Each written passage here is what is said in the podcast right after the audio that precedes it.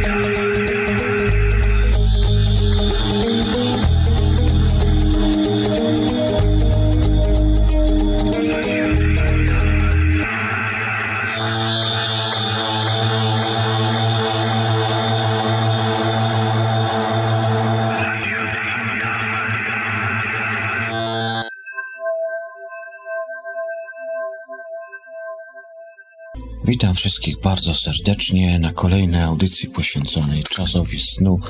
Ja mam na imię Grzegorz i zapraszam Was na kolejną część Czas Snu 06. Czas Snu 06 jest to audycja poświęcona y, świadomym snom, wyjściom poza ciało oraz innym audycjom, a tematem przewodnim jest dzisiaj szamanizm ASN. W tej audycji będę chciał szczególnie zwrócić uwagę na szamanizm, ogólnie pojmowany, jak to się ma do snów, jak to jest postrzegane w szamanizmie i jak było. Y, jak opisywał tutaj też Carlos Castaneda, bo jest to ciągła legenda, ciągłe, niewiadome, ciągłe spekulacje odnośnie życia Carlosa Castanedy oraz nauk jego, które otrzymał od Don Juana. Mam nadzieję, że jakoś mi się to uda tutaj ten temat y, w miarę porządnie rozciągnąć, rozwinąć, a póki co, jeszcze zanim przystąpię do głównego tematu, to zapadam Wam troszkę kilka informacyjnych rzeczy. Przede wszystkim chciałem tutaj podziękować Radiu Paranormalium, y, które retransmituje moją audycję Czas Snu. Ostatnio były problemy techniczne, trochę mnie to też zniechęciło, ale nie poddam się tak łatwo i tak szybko. Będę robił co tylko będę mógł, abyście mogli yy, słuchać audycji stricte związanych ze snami. Wiem, że Kamil jest lubianą osobą, również Kamila też będę chciał nieraz jeszcze tutaj poprosić, więc mam nadzieję, że jakoś będziemy tutaj jeszcze prowadzili audycję w czasie, a póki co chciałem powiedzieć parę pakietów informacyjnych, a mianowicie takich, że e, Będę chciał, aby audycje Czas Snu pojawiały się co tydzień cyklicznie. Dlatego też zrobiłem sobie taką przerwę teraz. Po pierwsze, muszę jechać do Londynu, omówić pewne rzeczy w kapitanacie RNF.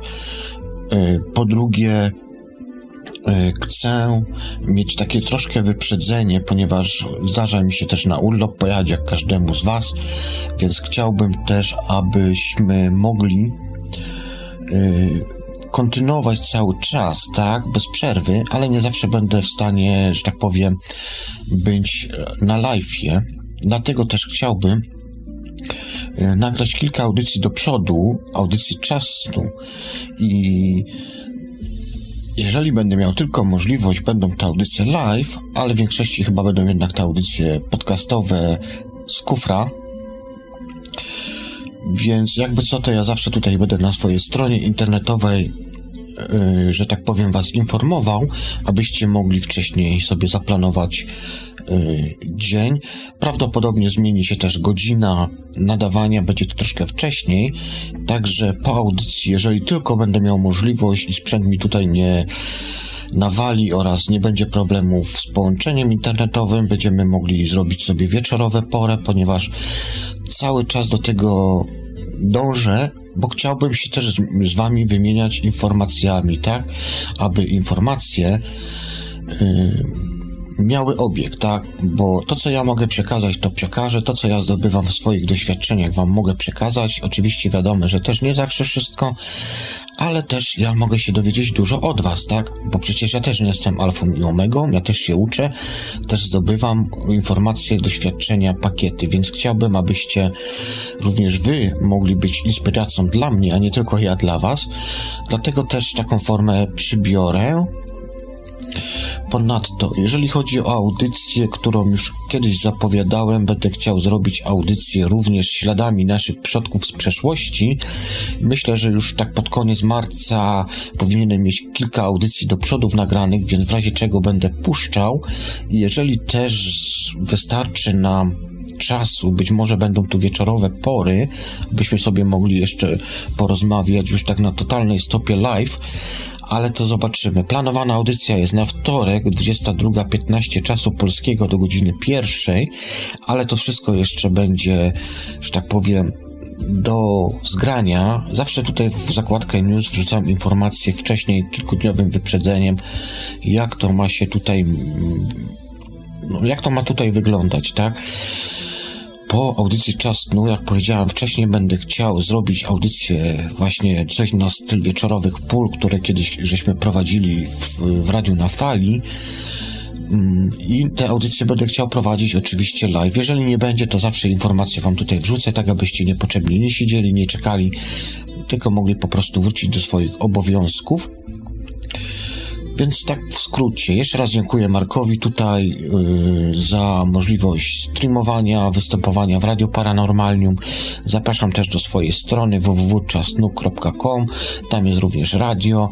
Strona będzie troszkę ulepszona, bo wiem, że tutaj mi parę osób zarzucało, a może nie zarzucało, ale pisało mi, abym coś zrobił, bo jest dużo błędów. Tak, wiem, że jest dużo błędów, ale po prostu no, większość czasu jednak pracuję na nocki, dlatego też nie zawsze wyrabiam, muszę się też wyspać, mam też inne problemy finansowe i tak dalej. Może finansowe jako taką, może nie, ale, ale takie bardziej problemy prywatne i po prostu ja też muszę tutaj pewne rzeczy załatwiać poza radiem. Radio jest tylko powiedzmy taką moją formą odskoczni e, oraz komunikacji z wami, więc po prostu tak chciałbym, aby to wszystko było jakoś tutaj rozumowane. Tak jak powiedziałem, jak mi tylko starczy czasu, będę tutaj starał się jak najbardziej to wszystko poprawić oraz tak, aby było to i dla Was, i dla mnie przyjemne, tak, aby jak najmniej ja musiał tutaj zajmować się radiem, a stricte związał się na przykład e, z audycjami radiowymi, no i w końcu też z kontynuacją tej mojej książki, o której yy, już wiele razy mówiłem i bardzo chcę ją napisać. Jest temu, i będzie temu, ku temu okazja już wkrótce, bo będę miał dość sporo czasu, więc yy, i będę w górach i nad morzem, więc będę miał czas, aby sobie siąść i po prostu w ciszy na plaży, czy gdzieś tam na szczytach górskich po prostu pisać sobie na tablecie bo takie mam plany, więc wszystko chyba idzie w dobrym kierunku. Zobaczymy, jak to będzie. Odrębna rzeczywistość, bo taki jest tytuł. Jeżeli macie jakieś pomysły yy, albo jakieś, nie wiem, zalążki, które mogą mnie zainspirować, żebym poruszył w tym, te, tej książce, również Was zapraszam do wysyłania tutaj do mnie informacji na www.infoczasnu.com również do odwiedzin mojej strony www.czasnu.com tam macie radio oraz do radia Paranormalium i radia, radia na fali, do hiperprzestrzeni, teorii chaosu yy, oraz do Edka, który w trakcie tygodnia robi sobie taki middle weekend, gdzie może was troszkę rozruszać, tak? Po poniedziałkowym letargu.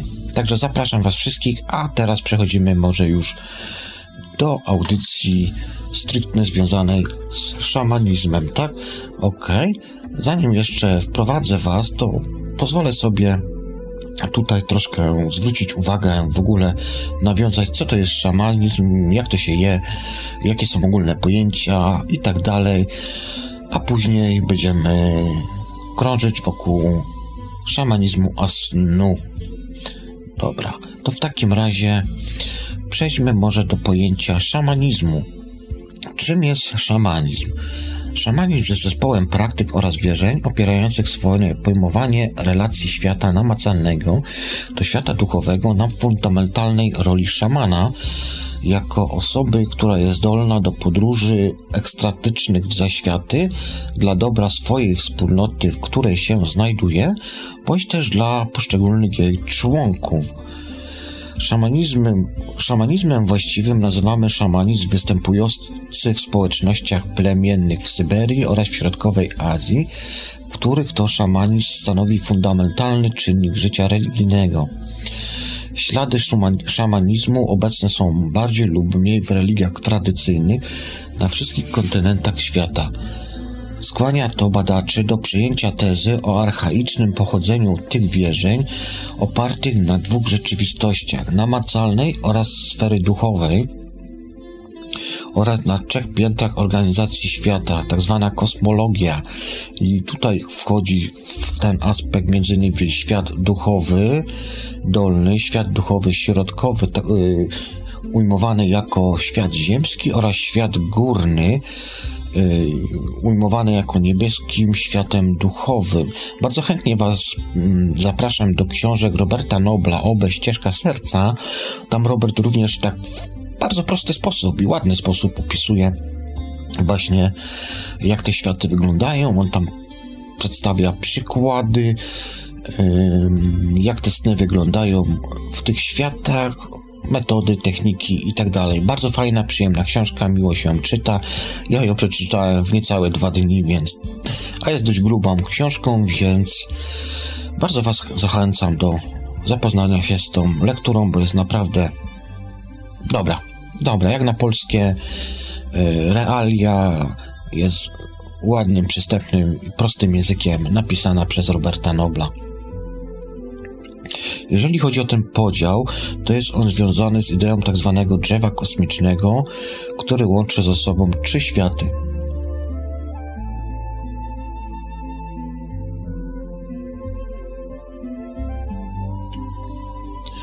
Etymologia.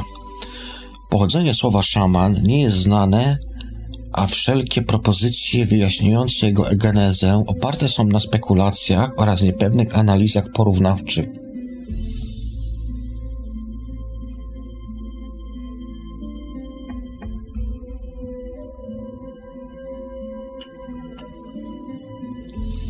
Problem entymologii związany jest również z zagadnieniem pochodzenia samego szamanizmu.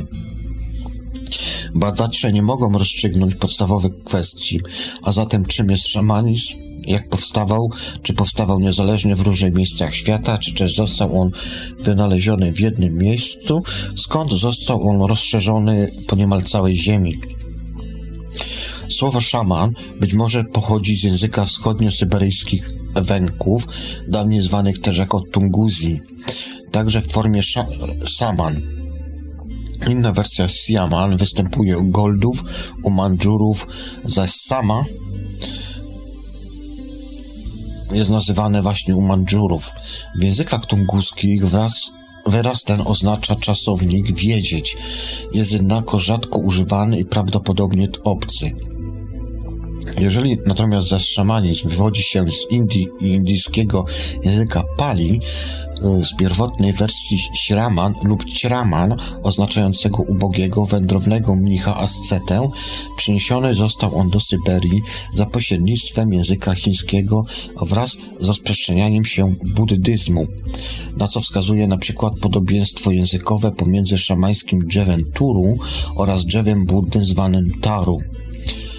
Według Wasilewskiego do języków europejskich termin szamanizm wszedł za pośrednictwem książki pod tytułem e, Trzyletnia podróż do Chin z Moskwy przez Wielki, Wielki Ustiuk, Zerandię, Permię, Syberię, Daurię oraz Wielką Tartaryrę, wydaną po rosyjsku we Frankfurcie w 1707 roku przez moskiewskiego posła Ewerta Zbranta Idesa.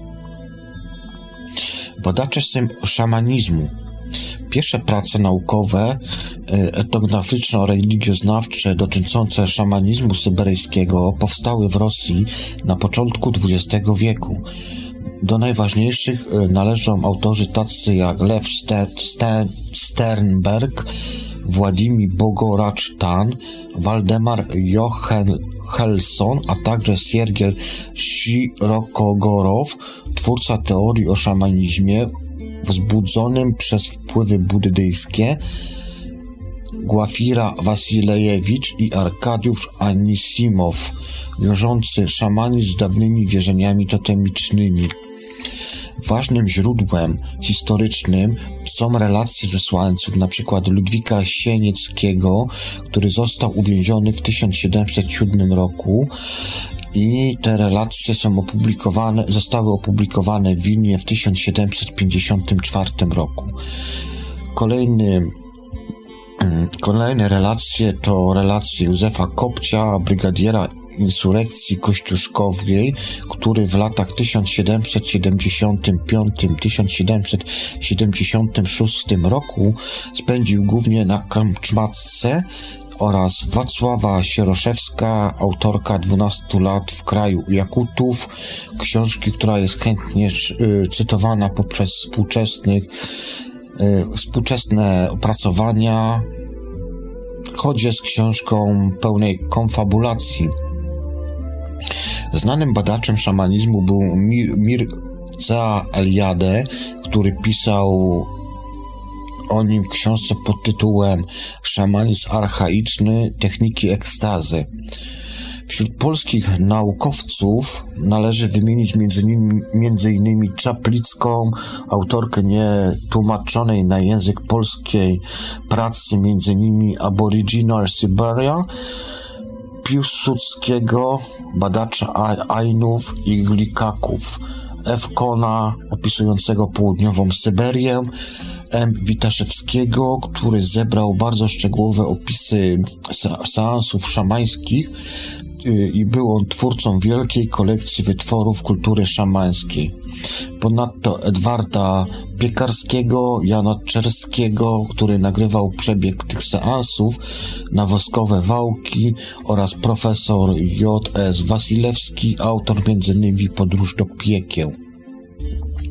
Jakie są główne cechy szamanizmu. Szaman a grupa. Szaman jest centralną postacią w każdej społeczności uznającej ryty szamańskie. Słowo to pochodzi od rdzenia sza, oznaczająco w języku awekwenów wiedzę. Szaman jest to zatem ten, który wie. Osoba ta ma y, taką wygórowaną pozycję w społeczności takiej jest ona darzona zwykle wielkim szacunkiem oraz bywa bardzo hojnie obdarowywana. Jednak posiadane przez nią moce oraz jej bliskie stosunki z potężnymi siłami natury każą również zachowywać rezerwę oraz dystans. O ile w Ameryce Południowej szamani bywają pełnoprawnymi członkami takiej grupy, w której są, to często u mieszkańców Syberii jest, są oni odizolowanymi szamanami, którzy nierzadko zamieszkują w odosobnieniach i nie uczestniczą oni w polowaniach oraz w pracach gospodarczych. E, Całkowite, jego całkowite uzależnienie jest od społeczności można wiązać również ze szczególnymi cechami charakteru takiej osoby, która to uniemożliwia normalne funkcjonowanie. A więc na ten temat troszkę więcej tutaj powiem w dalszej części audycji. Szamon jako ten, który wie, jest obdarzony wielkim autorytetem. Jego bogata wiedza na, ten te na temat roślin jest często mm, prowadzona do przyjęcia roli jako lekarza w takiej strukturze lub też szerzej jako opiekuna medycznego. Tak samo jest właśnie w książce Don Juana gdzież Don Juan Carlosowi Castanedzie opisuje znaczenie wszystkich roślin, gdzie wprowadza go krok po kroku w zrozumienie medycyny, tak, oraz szacunku do roślin. Szaman potrafi leczyć ciężkie obrażenia oraz choroby oraz codzienne niedomagania człowieka. Potrafi on również przyspieszyć rozwiązywanie lub też łagodzić bóle poporodowe. Jest wzywany do osób opętanych przez demony lub też złe duchy.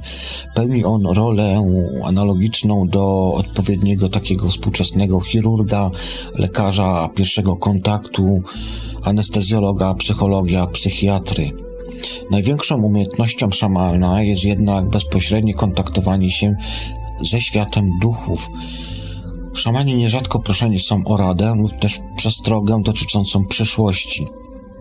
Ze względu na swoje niezwykłe doświadczenia, szaman potrafi skupić uwagę grupy przy wieczornym ognisku swoimi niezwykłymi opowieściami o duchach, o przyrodzie oraz historii oraz, oraz półimprowizowanymi pieśniami na te tematy. Zależy to już wszystko od indywidualnych umiejętności narratorskich takiego szamana oraz osobowości y, oraz czy jego powieści czy pieśni też stają się stałym elementem kultury danej społeczności, w której on ma udział oraz czy zaczynają żyć własnym życiem jako samodzielna kosmogonia oraz mitologia. Również też, czy to będą towarzyszyć one wyłącznie rytualnym spotkaniom ze starszymi, czy też rytom inicjacyjnym oraz innym rzadko, rzadkim okazjom, jak święta astrologiczne. Świat duchów w szamanizmie. Szamanizm rozkwitł na tle wierzeń animistycznych, zakładających one zakładających ciągłą obecność świata duchowego we wszystkich przejawach natury. Wiele kultur animistycznych przedstawia sobie świat jako kosmos czy poziomowy. Po środku znajduje się płaski dysk Ziemi, pod spodem zaś świat duchów złych czy też nieżyczliwych, a nad Ziemią świat duchów dobrych, pomocnych. O ile każdy człowiek doświadcza obecności duchów pod postacią sprzyjających zdarzeń, choroby, leczniczej rośliny i temu podobnej, to właśnie szaman jest osobą wybraną do bezpośredniej styczności z takimi istotami. Warto tutaj podkreślić też słowo wybrany, ponieważ nie można samemu upoważnić się do kontaktów ze światem duchów. Inicjatywa taka zawsze pochodzi z gór lub też z dołu. Kontakt z duchami następuje w transie, wtedy to szaman wprowadza się w trans najczęściej poprzez rytmiczne bębnienie, monotonny śpiew oraz pożycie roślin wizyjnych, halucygennych. Również takie wybijanie bębenków jest pomocne w momencie, kiedy, nie wiem, wejdziemy w jakieś takie głębsze stany, które mogą powodować spowodować właściwie to, że możemy się pogubić po tej drugiej stronie i takie wybijanie bębenkami rytmiczne e, ma na celu nas naprowadzenie z powrotem na właściwą ścieżkę. W czasie takiego rytuału traci się częściowo przytomność, podczas gdy jego dusza wędruje swobodnie po świecie duchów, korzystając z pomocy sprzyjającego ducha. E, takim, takiego totema jakby. Poprzez wędrówki szaman może ujrzeć rzeczy niedostępne dla reszty społeczności, stąd przekonanie, że w mocy szamana jest widzieć przyszłość oraz przeszłość. Czym jest totem? Totem jest terminem określającym zjawiska związane z relacjami człowieka z mitycznym przodkiem zwierzęcym lub roślinnym, czasem też zjawiskiem przyrodniczym. Klany posiadają własny totem, y, nazwę, a jego członkowie połączeni są więzami pokrewieństwa. Totemy oznaczają mistyczne więzy między ludźmi a jedynie wtórnie odzwierciedlają one również stosunki społeczne. Totem to również w bardzo popularnym znaczeniu godło rodziny lub też kranu rodzinnego u wielu ludów pierwotnym. Totemem mogą być zwierzęta, roślina lub też jakiś martwy przedmiot, który jest uznawany za protoplastę oraz opiekuna tej rodziny. I można sobie znaleźć na przykład na internecie takie totemy, obrazki takich totemów. Ja tutaj mam przed sobą akurat totem, totemiczny słup indiański pochodzący z Kolumbii Brytyjskiej w Kanadzie. W Polsce to też takie były totemy, między innymi jeżeli chodzi o kulturę słowiańską. Pamiętacie, ja pamiętam jeszcze jak dziecko miałem w domu takie różne właśnie dziwne, wydłużone posągi, na szczycie których znajdowały się dziwne twarze i tak dalej, i tak dalej.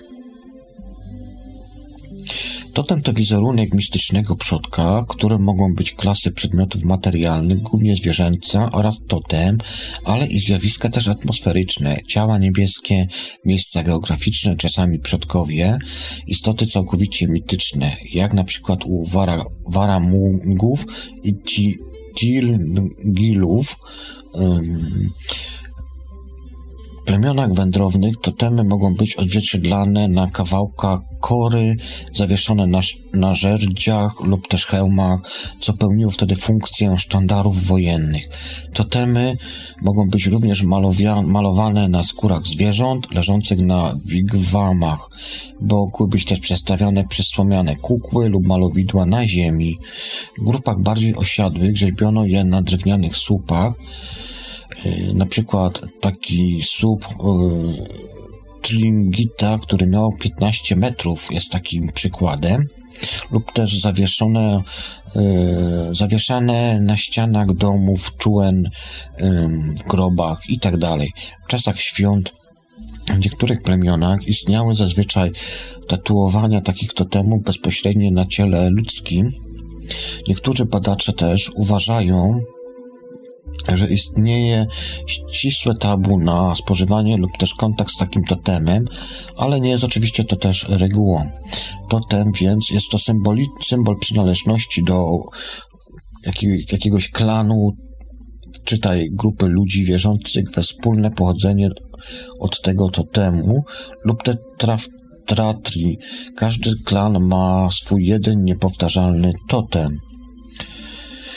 Emilie Durkheim klasyfikuje te temy na trzy takie jakby właściwie dwa, w skład których wchodzą kolejne podziały, a między innymi totemy klanu i tutaj możemy je podzielić na totemy matryliarne, najczęstsze występujące między innymi u dzieriów i urabunów z Australii Południowej, totemy patri patrylinearne, które są łączone patrylokalnością oraz totemy, gdzie mistyczny przodek rytualnie zapładnia matkę w chwili poczęcia i takim przykładem jest Uruntu oraz Loritiów.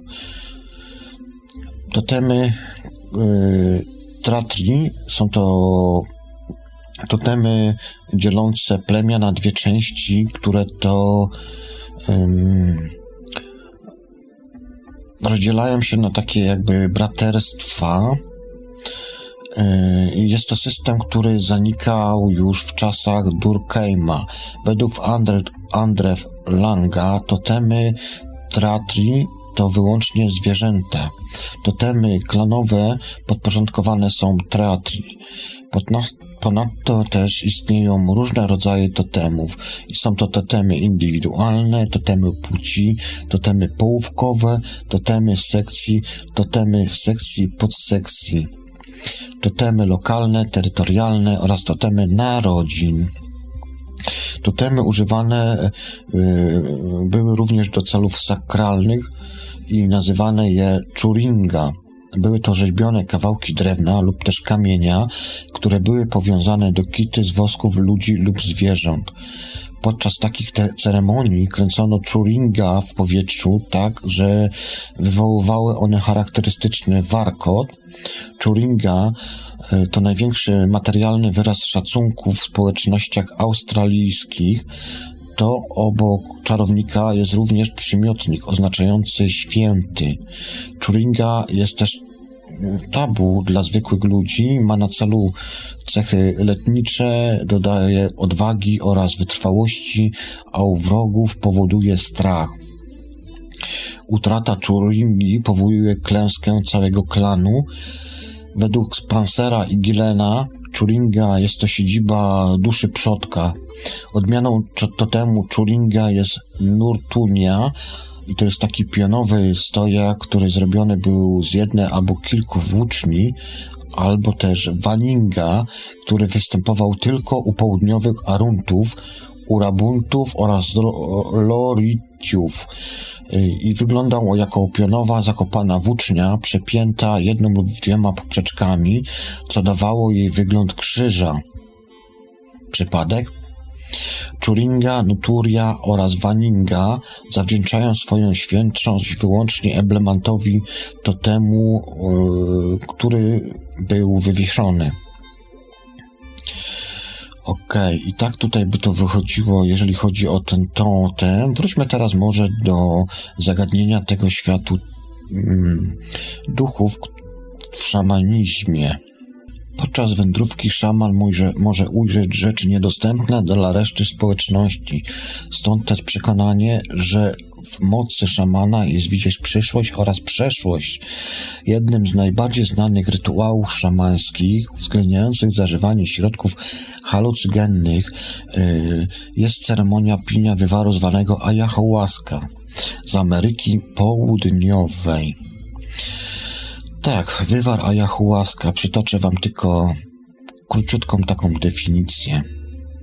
Wywar ayahuasca, zwany jest też lianą duszy, pnączem du duszy, yy, jest to słowo pochodzące z języka quechua, jagę, natema, kapi oraz huaraka. Był, on, był i dalej jest rytualnym psychodelikiem zażywanym w formie napojów. Zawiera on napój DMT, który występuje w roślinach z gatunku akacja oraz mimosa oraz harmalinę, będącą inhibitorem MAO, która występuje przykład w nasionach ruty stepowej. Oryginalna nazwa to Peganum harmala. Jednak z najczęstszą kombinacją takich roślin, które stosuje się yy, w południowoamerykańskim szamanizmie, yy, służącą do przyrządzenia takiego wywaru jest Banisteriopsis capi, oryginalna nazwa, która zawiera inhibitor MAO oraz psychotria vir viridis, oryginalna nazwa, lub Diplopteris cabrerana, oryginalna nazwa, która również zawiera DMT. Jakie jest zastosowanie ayahuaski? Ayahuaska przygotowywana jest przez szamanów ma ona działanie, silne działanie halucygenne. Indianie sporządzają ten napór, który jest zażywany przez szamanów w celach leczniczych, ale także by wprowadzić się w trans, który ma jakoby umożliwić im jasnowidzenie lub też kontakt z mityczną pamięcią plemienia. Podczas seansu ayahuaskę pije zarówno pacjent, jak i szaman. Obaj wtedy doświadczają wizji, w których to duchy dyktują im, jak ma przebiegać taka kuracja. Innym celem takich seansów jest również wykrywanie klątw oraz uroków będących przyczynami chorób. Stosowanie ayahuaski w celach magicznych znane jest od tysięcy lat. Polecam Wam tutaj zaglądnąć do filmu dokumentalnego, z którego pochodzi z 2004 roku. Jest to film francuski dokumentalny, a jego tytuł to Inne światy Ayahuasca. Jeżeli chodzi o stronę, to polecam Wam stronę mm, ayahuaski w języku niestety angielskim, która jest dość dobrze opisana i to jest https www www.erowid.org https www.erowid.org jest to w języku angielskim, ale bardzo ładnie jest tutaj opisane, ale ponadto wystarczy wpisać ayahuasca, ceremonii czy jakieś inne tego słowa do tego zagadnienia i jest tego mnóstwo zarówno na YouTubie oraz na internecie. Powróćmy teraz dalej do szamanizmu. Tak?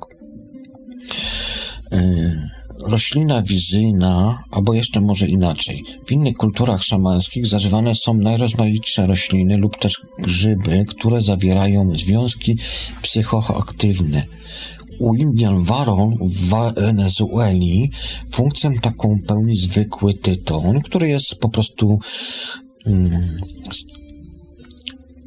no, spożywany w ustach, tak? Po prostu mieli się tym tytonie. Roślina wizyjna jest albo zupełnie zarezerwowana do spożycia dla szamana, albo też jest medykamentem stosowanym powszechnie w społeczności. Najpowszechniejszą używką stosowaną przez szamanów syberyjskich był muchomor czerwony, oryginalna nazwa jego to Amanita muscaria. Chociaż stosowano także inne środki halucygenne, takie jak wywary z kory cedrowej oraz jagód. Pito także krew pochodzącą z renifera bądź świni. Było to oczywiście zależne od zamieszkania danej grupy etnicznej. Należy tutaj też dodać, że choć najczęstszy w szamanizmie jest motyw duszy opuszczającej ciało w swoich wędrówkach, również czasem w transie aktywowaną rolę odgrywa ciało, oddając się duszą oraz ulegając wędrownemu. Tak opętaniu.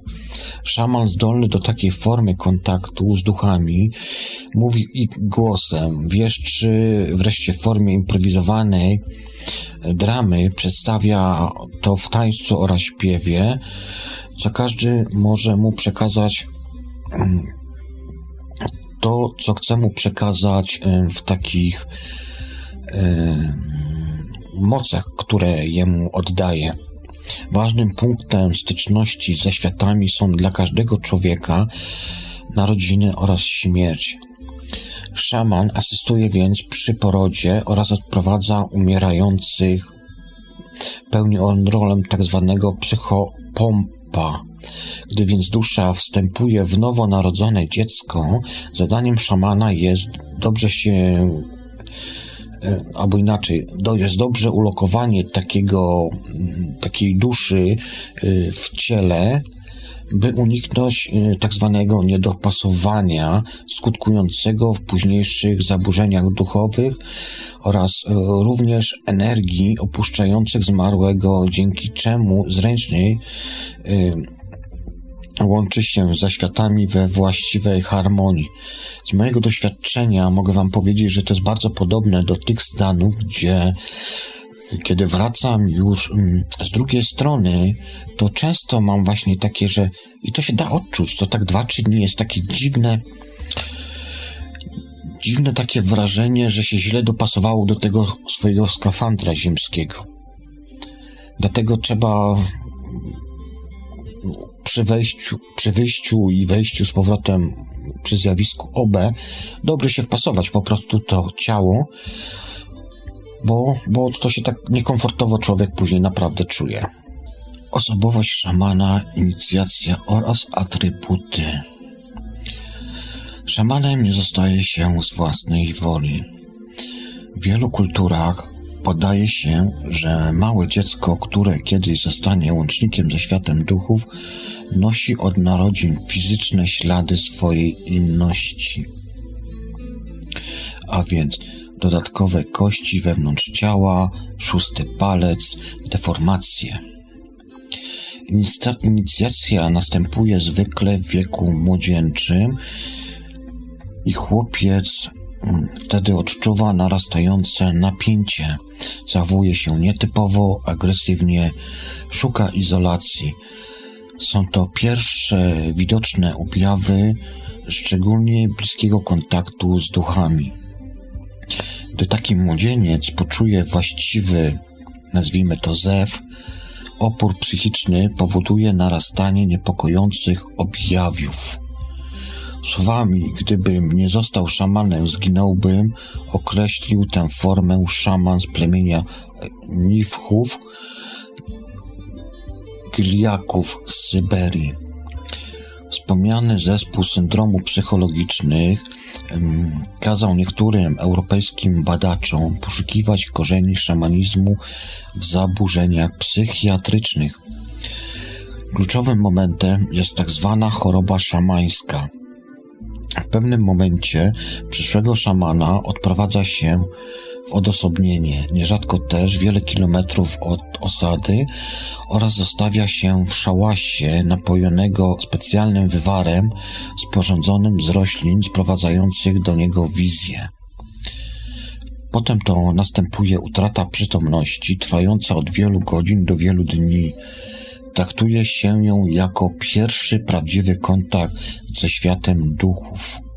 W niektórych kulturach uważa się, że w tym czasie przyszły szaman jest cięty na kawałki poprzez duchy, które chcą w ten sposób odnaleźć dodatkowe kości lub w inny sposób potwierdzić odpowiedność czy też autentyczność tej osoby bycia szamanem. Okej. Okay. W takim razie lećmy dalej. W kulturach o bardziej totemistycznym zabarwieniu wtedy właśnie odchodzący szaman przekazuje młodemu adeptowi swój totem. Przekazane zostaje mu wsparcie określonego ducha zwierzęcia. Niektórzy nie przeżywają tej próby, ci, którzy przeżyją, zostają wtedy szamanami czasie pierwszego okresu szaman uczy się swoich powinności w kulturach, w których pierwsze znaczenie ma bęben.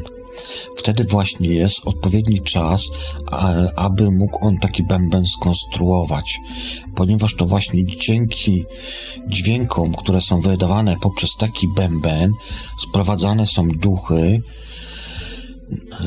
Naciąg tutaj musi być nierzadko wykonany ze skóry określonego totemicznego zwierzęcia. Bardzo zapraszam Was do audycji Hiperprzestrzeń w wykonaniu Tomka z Radia na Fali. On kiedyś prowadził audycję właśnie o takich istotach totemicznych.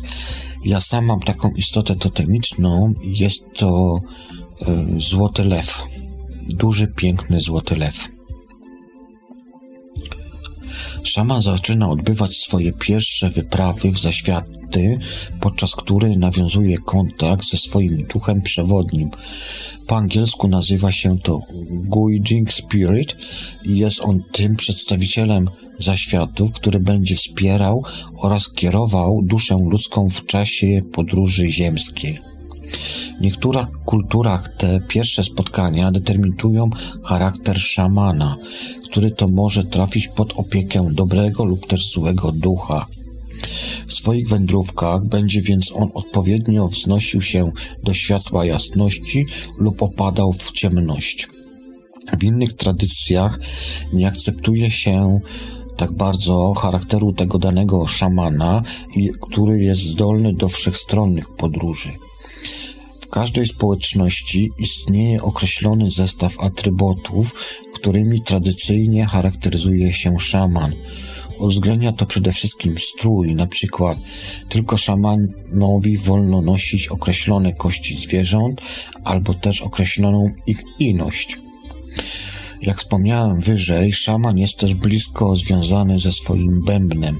Czasami tylko on może przygotowywać halucogenny wywar, a więc jest on posiadaczem odpowiednich narzędzi oraz naczyń lub też tych samych roślin. Jak to się ma teraz w współczesności? Wciąż istnieją kultury, które są oparte rdzenie na szamanizmie, głównie w Ameryce Południowej oraz w Azji Północnej. Ich liczba jednak e, dramatycznie spada z powodu postępującego współczesnego cywiliz cywilizacjonizmu, że tak nazwę tą, Generalnie cywilizacja po prostu powoduje, współczesna cywilizacja powoduje spadek po prostu takich kultur. Na fali odrodzenia dawnych wierzeń, neogopo, neopogaństwo, neudroizm i temu podobnych rzeczy, zwiększa się również zainteresowanie szamanizmem. Spotyka się także określenie neoszamanizm.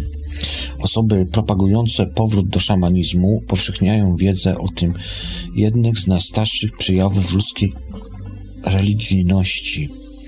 Organizowane są warsztaty, szkolenia, a nawet kursy szamanizmu. Obecnie najbardziej znanym propagatorem szamanizmu jest amerykański antropolog Michael Harmer. Okej. Okay. Jeszcze może byśmy e, tutaj coś rozwinęli o szamanizm, sama istota szamana. Okej, okay. polega jego rola na funkcji religijnej, głównej, głównie religijnej. Jest ona po, powiązana z kontaktami z istotami nadludzkimi, duchami, przodkowami lub też demonami. Dzięki badaniom entologii oraz religioznawstwu wiemy, że fenomen szamaństwa, dawniej kojarzony prawie wyłącznie z obszarem środkowej Syberii, Tunguzji, Bur Burjaci, był obecny w wielu innych systemach wierzeń na wszystkich kontynentach. Wielka zasługa w badaniach szamanizmu przypada Mircej Eliandiemu. Okej. Okay. Kim on był? Urodził się 9 marca 1907 roku w Bukareszcie, zmarł 22 kwietnia 1986 w Chicago. Był rumuńskim historykiem religii, religioznawstwa, indologii, filozofii, kultury, a także był on eseistą, pisarzem oraz dyplomatą. Yy, można tutaj sobie przeglądnąć jego pamiętniki. On w tych pamiętnikach właśnie opisuje mm, swoje badania, właśnie jeżeli chodzi o religię i szamanizm. Ja tej postaci tutaj nie będę y, bardziej rozwijał. W każdym razie zapraszam do zapoznania się z tą postacią, bo też ma fajne mm, swoje koncepcje oraz obserwacje ze sfery swoich badań. Jeszcze raz powtórzę, ma nazwisko Mircea Eliade. Słowo szaman pochodzi z języka wschodnio-syberyjskich Ewenków, dawniej Tunguzów. U Mandżurów występuje jako sama, a u Goltów siaman, już to wcześniej wspomniałem. Jakie są funkcje y, szamana? Funkcje, funkcja szamana cechuje się czterema cechami konstruktywnymi. Szaman działa poprzez ekstazę, która polega na wejściu w trans. Poprzez rytmikę tańca lub też uderzanie właśnie w bębenek. Trans jest jednym z rodzajów odmiennych stanów świadomości. Jest on stanem umysłu charakteryzującym się zmienioną świadomością, co oznacza również zmienioną, zmienioną wrażliwość na bodźce. Trans może być wykonywany oraz wywoływać stan obniżonej lub podwyższonej świadomości. Osoby pogrążone w transie mogą wykonywać określone czynniki podświadomie w sposób niekontrolowany przez świadomość. W transie można również manipulować ludźmi. Jest to troszkę stan podobny do hmm, hipnoz, tak? Hipnoz oraz zjawisk, które możemy doświadczyć poza sam miałem takie doświadczenia senne, gdzie byłem jakby wprowadzany w trans przez istoty, pewne istoty, ale jakoś dziwnym trafem zawsze jakoś z tego transu próbowałem, próbowałem, wychodziłem, tak? Albo świadomie, albo coś się mi działo takiego w moim umyśle, że po prostu dostawałem jakiegoś impulsu i, i po prostu um, jakiegoś takiego turbo doładowania, które powodowało mnie wyprowadzenie z tego transu. W badaniach nad takimi scenami transu stosowany jest elektroencefalograf. Istnieją jego dwa rodzaje tego transu. Pierwszym z nich jest trans płytki, który, w który wprowadzają narkotyki, halucygenne zioła, grzyby oraz napary. Oraz drugim rodzajem transu jest trans naturalny, który to wprowadza rytmiczna muzyka, Yy, współcześnie jednak jesteśmy na nią bardziej odporni. Samodzielne wprowadzanie się w trans bez nadzoru osób, którzy się nad tym znają, niektórzy uważają, że mogą być to niebezpieczne stany. No nie wiem, no ja to robię od lat i jakoś funkcjonuje. Zapraszam tutaj do zapoznania się z literaturą Kazimierza Franczaka.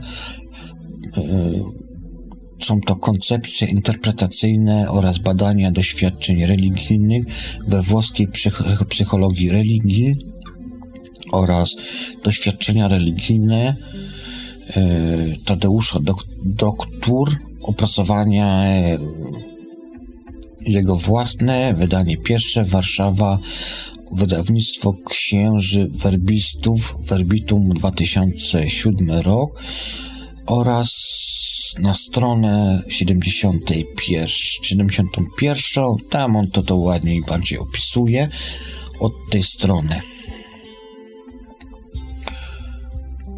Dobrze. Trans pozwala mm, takiemu szamanowi na wejście w kontakt ze światem nadludzkim, podjęcie podróży do nieba, bądź też zejście do świata podziemnego, napotkania duchów, opiekunów, zaprzyjaźnionych, bądź też wrogich. Oraz pozwala mu na wykonanie swojej misji, z jaką wszedł w ten trans. Szaman posiada więzi na tamtym świecie. Siła szamana polega na posiadaniu właściwych układów z potężnymi i wpływowymi w zaświatach duchami. Walcząc z niektórymi z nim, szaman wspiera się z sojusznikami oraz innymi przeciwnościami. Dlatego też szamanem nie jest ten, kto chce, lecz ten, który został przez duchy wybrany oraz wprowadzony w tamten świat. Szaman jest trwałym elementem życia społecznego. Jego instytucja jest nieodzowna dla jego wspólnoty. Dzięki inicjacji szaman posiada właściwą wiedzę, potrzebną w trudnych sytuacjach, gdy musi wyruszać w zaświaty, aby pomóc jednostkom z całej swojej wspólnocie. Inicjacja występuje w następujących znaczeniach. Rozpoczęcie czynności procesu działania. E, inne znaczenie to ceremonia, a więc przyjęcie nowego członka, obrzęd przejściowy na kolejny wyższy poziom wtajemniczenia oraz inicjacja seksualna, a więc rozpoczęcie współżycia, obcowania płciowego. Często inicjacja jest zry zrytualizowana i towarzyszy jej odpowiednia ceremonia. Jest tak zwłaszcza w przypadku, kiedy inicjonowany wstępuje do jakiegoś zakonu lub też taje, tajnego stowarzyszenia, co oznacza wtajemniczenie w sekretne doktryny, czy też mistyczne, starożytne misteria. W przypadku inicjacji mistycznej jest to nie tylko uhonorowanie oraz uznanie członkostwa, ale również może yy, być to naturalny przekaz wiedzy, stanu uświęcenia lub też nadzwyczajnych zdolności oraz mocy. Człowiekowi nieinicjowanemu, a często nawet inicjowanemu, bardzo trudno jest potwierdzić realność takiego nadnaturalnego przekazu, E, natomiast scentycy uznają go za oszusta lub też jakąś autosugestię. Jednym z takich przykładów takiego właśnie, takiej inicjacji jest choćby nawet obrzezanie. Szaman działa z pobudek altruistycznych. Na ogół jego dwie najważniejsze funkcje to jest właśnie odprowadzanie umarłych oraz przywracanie zbiegłej duszy osobom chorych. Jeżeli chodzi o odprowadzanie umarłych za światy, to wtedy zajmuje się, gdy umarli potrzebują opieki w swej ostatniej drodze, gdyż zanim dojdą do jej końca, czyhają na nich wielkie niebezpieczeństwa. Szaman wtedy przeprowadza dusze zmarłych przez zaświaty do bram ich miejsca odpoczynku. W pewnym sensie mógłbym uznać tutaj albo powiedzieć, że odprowadzanie dusz to jest pewnym takim jakby inicjacją umożliwiającą um, powrót tak, do źródła osobom, które, nie wiem, zginęły nagle w wypadku lub innych jakichś sytuacji. E, polecam tutaj zapoznać się z literaturą, na przykład Brusa Moena, czy też nawet naszego polskiego badacza Rafała Nieradzika, z którym miałem kiedyś przyjemność występować w debatach ufologicznych. Inną cechą, tak jak już powiedziałem wcześniej, jest to przywracanie zbiegłej duszy osobom chorym, nazwałbym to osobom obłękanym, obłąkanym, przepraszam, yy, jest to choroba na ogół wywołana odejściem duszy, bądź też wyniszczeniem duszy przez złego dusza. Rola szamana tutaj polega na odnalezieniu właśnie takiej duszy bąkającej w zaświatach oraz sprowadzeniu jej do chorego, ewentualnie pokonaniu złych, nieprzychylnych i szkodzących jej duchów. Osoba, osoba szamana jest oraz jego atrybuty i rytuały z nimi związane różnią się w zależności od epoki, regionu czy też kultury.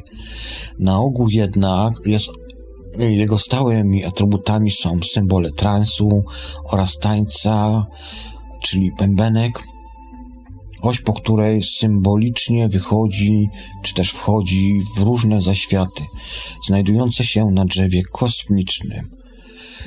E, również tutaj możemy wziąć ubiór, który jest naznaczony zdolnościami lotów ekstratycznych, na przykład pióra, czy jeszcze jakieś inne wisiorki, tego typu rzeczy.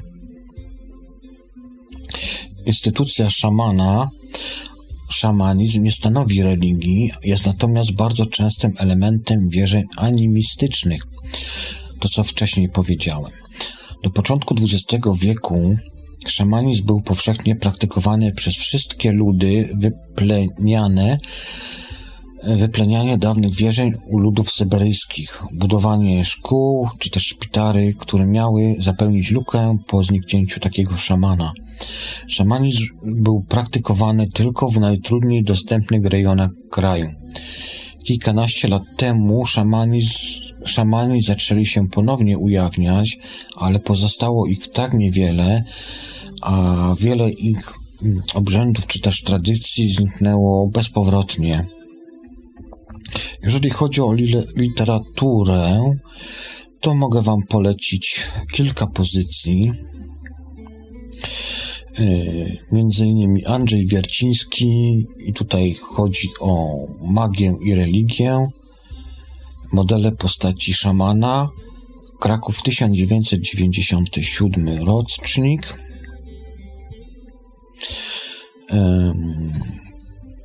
Mircea Eliade, szamanizm i archaiczne techniki ekstazy, Warszawa 94 rok.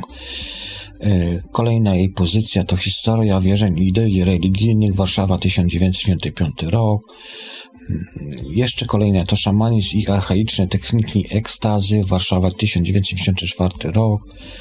To już Myślę, no dobra, jeszcze może jedno w takim razie jest to Jerzy Sławomir Wasilewski po śmierci wędrować. Szkice z zakresu entologii świata znaczeń i to są teksty z 1979 roku oraz może jeszcze jedną pozycję, czyli Jerzy Sławomir Wasilewski Podróże do piekieł, rzecz o szamańskich misteriach. Pozycja z 1979 roku. Tak to by było, jeżeli chodzi o ujęcie szamana, szamanizmu i zaraz przyjdziemy może do kolejnej rzeczy.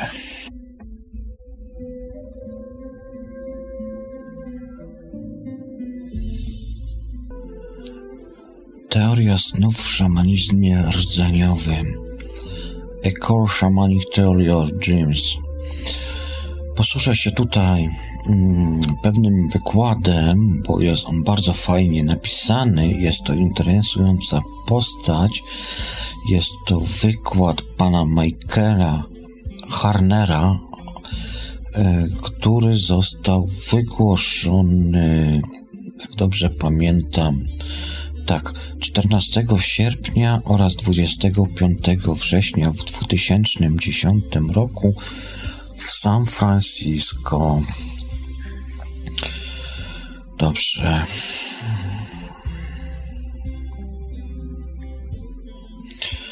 A zatem przejdźmy może do pierwszej zasady, jaką tutaj pan Michael wygłosił w swoich wykładach. Pierwsza zasada: czy duchy są realne?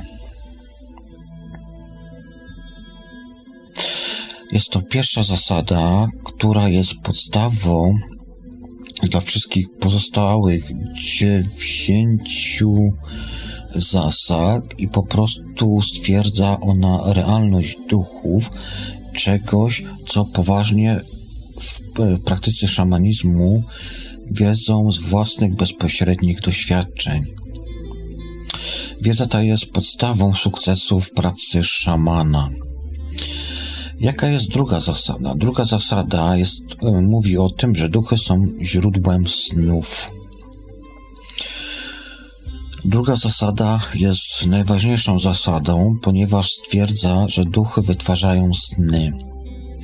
Duchy te to indywidualna dusza i wszelkie inne duchy, które łączą się z osobą lub utrzymują z nią związek.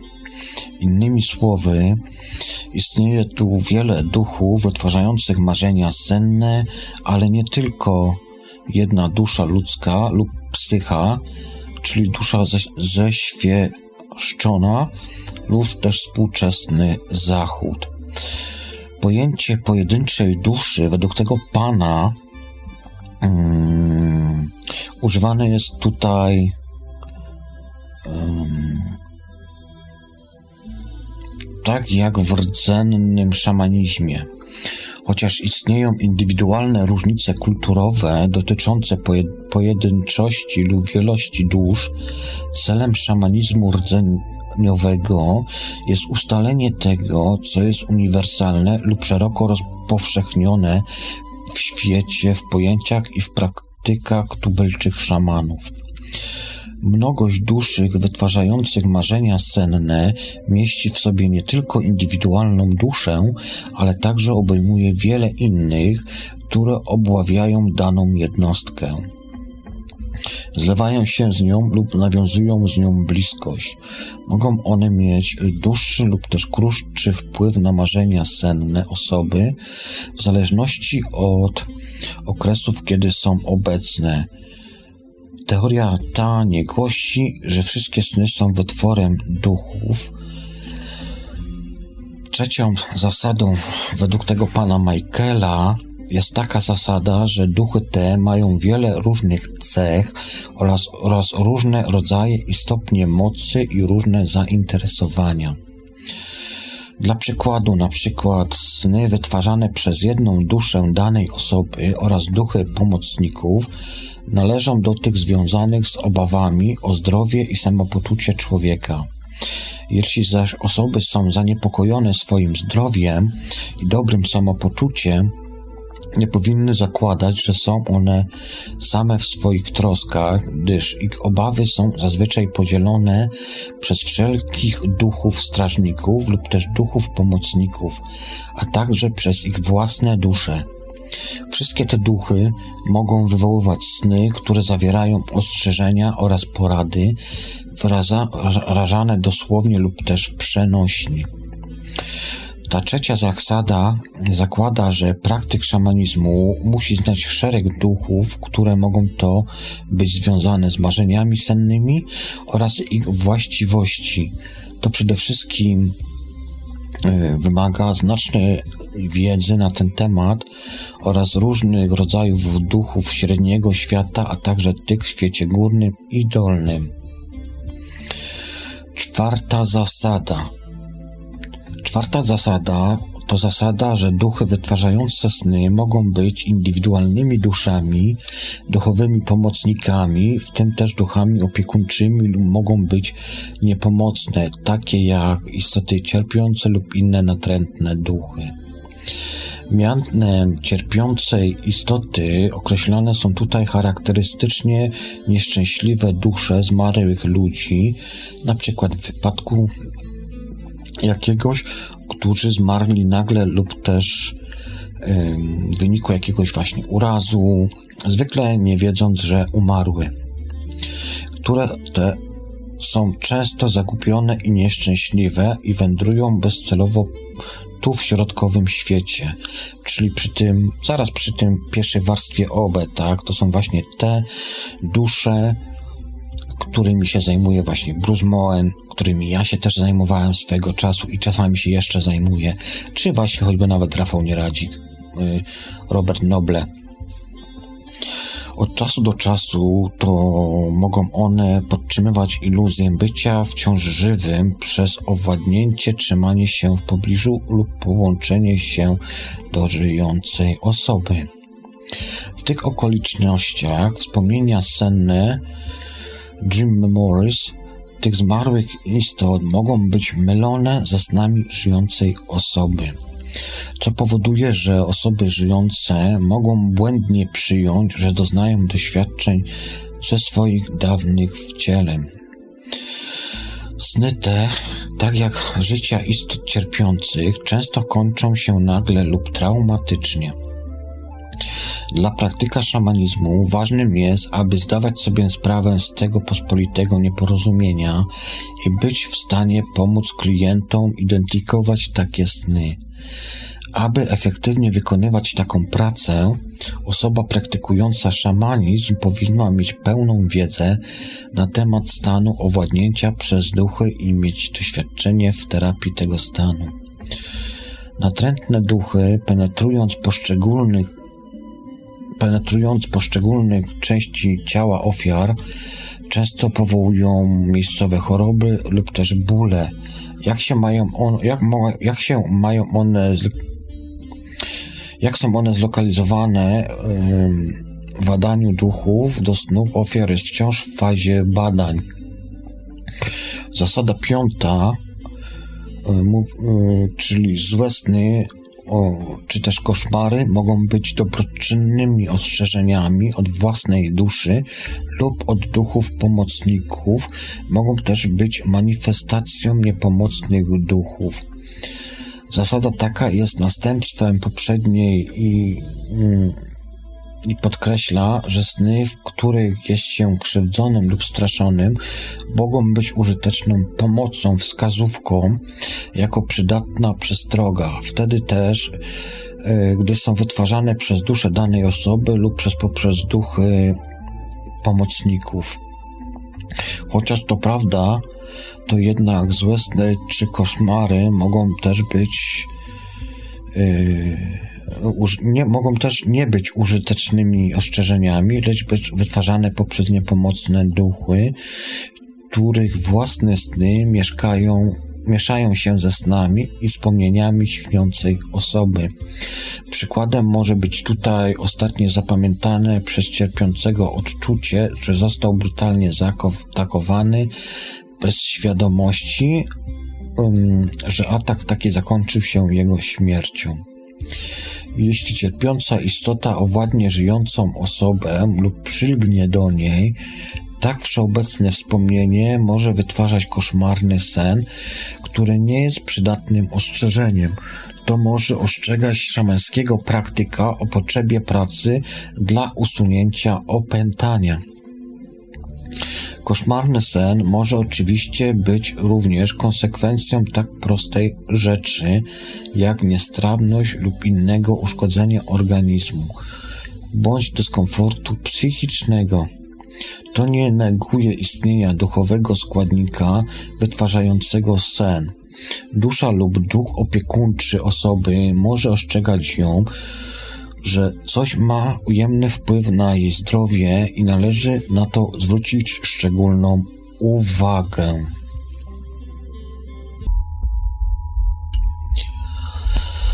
Zmieniliśmy troszkę klimat i powróćmy teraz do zasady szóstej.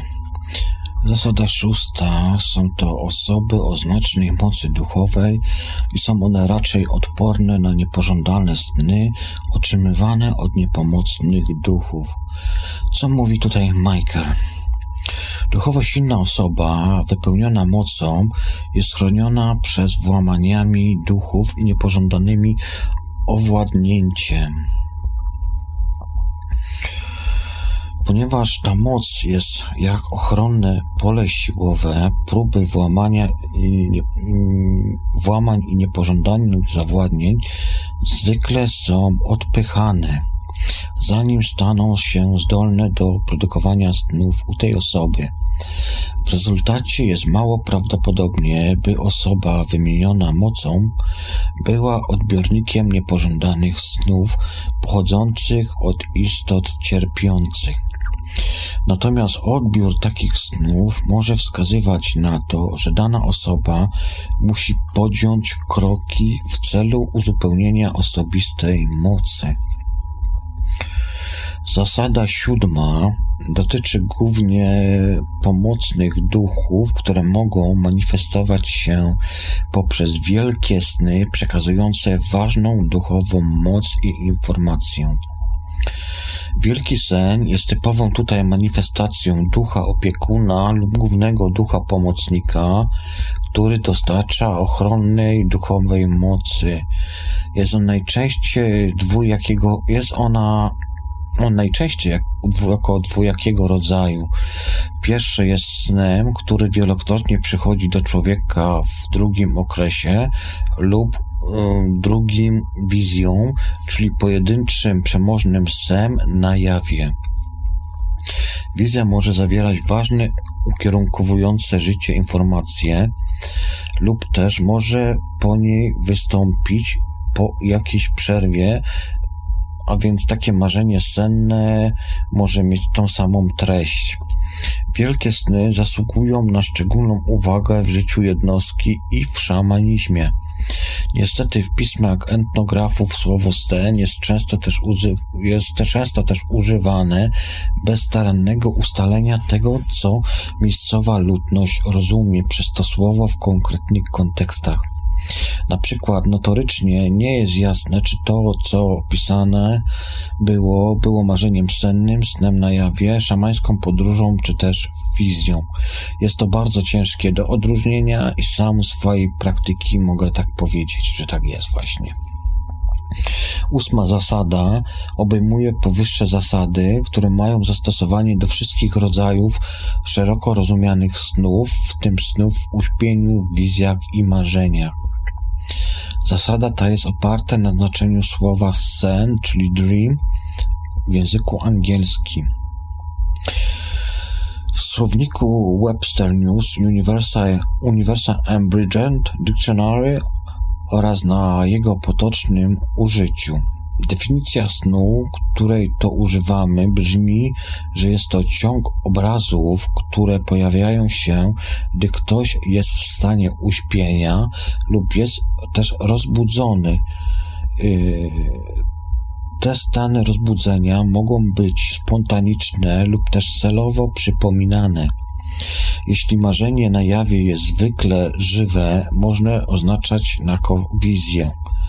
Jako przykład zastosowania takiej definicji szamańskie podróże mogą być postrzegane jako e, zdyscyplinowane, dobrowolne sny bez zwykłego ukierunkowania rzeczywistością, a to oznacza, że nie są one sterowalnym obrazem.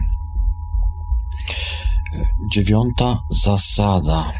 Dziewiąta zasada jest to zasada, która mówi, że aby poznać znaczenie swoich snów, ludzie mogą, mogą łączyć się z pomocnym duchem, by przywołać swoje sny do dalszych badań, lub też mogą podejmować szamańskie podróże do ich najważniejszych wróżebnych duchowych pomocników, aby uzyskać takie informacje. Dziesiąta zasada to zasada, która mówi, że te podróże powinny zawierać obszerne studium metafor, zwłaszcza, że odnoszą się do znaczenia duchowych komunikacji, czyli do znaczenia tychże snów. Zasada dziewiąta oraz zasada dziesiąta są tak naprawdę połączone ze sobą. W szamanizmie można wykorzystywać celowe sny do odkrywania sensów snów spontanicznych. Najczęściej stosowane procedury to przywoływanie nie, z angielskiego callback snu oraz szamańską podróż. Obie są realizowane przez samego śniącego, ponieważ zwykle nikt nie jest w stanie predysponowany do odkrycia znaczenia snów niż sam śniący. Oznacza to tylko tyle, że tak naprawdę mm, Śniący będzie po prostu rozumiał swój sen, jeżeli go przeanalizuje. Dlatego to takie trochę dla mnie jest śmieszne, że w pewnym sensie śmieszne, ale z drugiej strony no też może być pomocne, tak?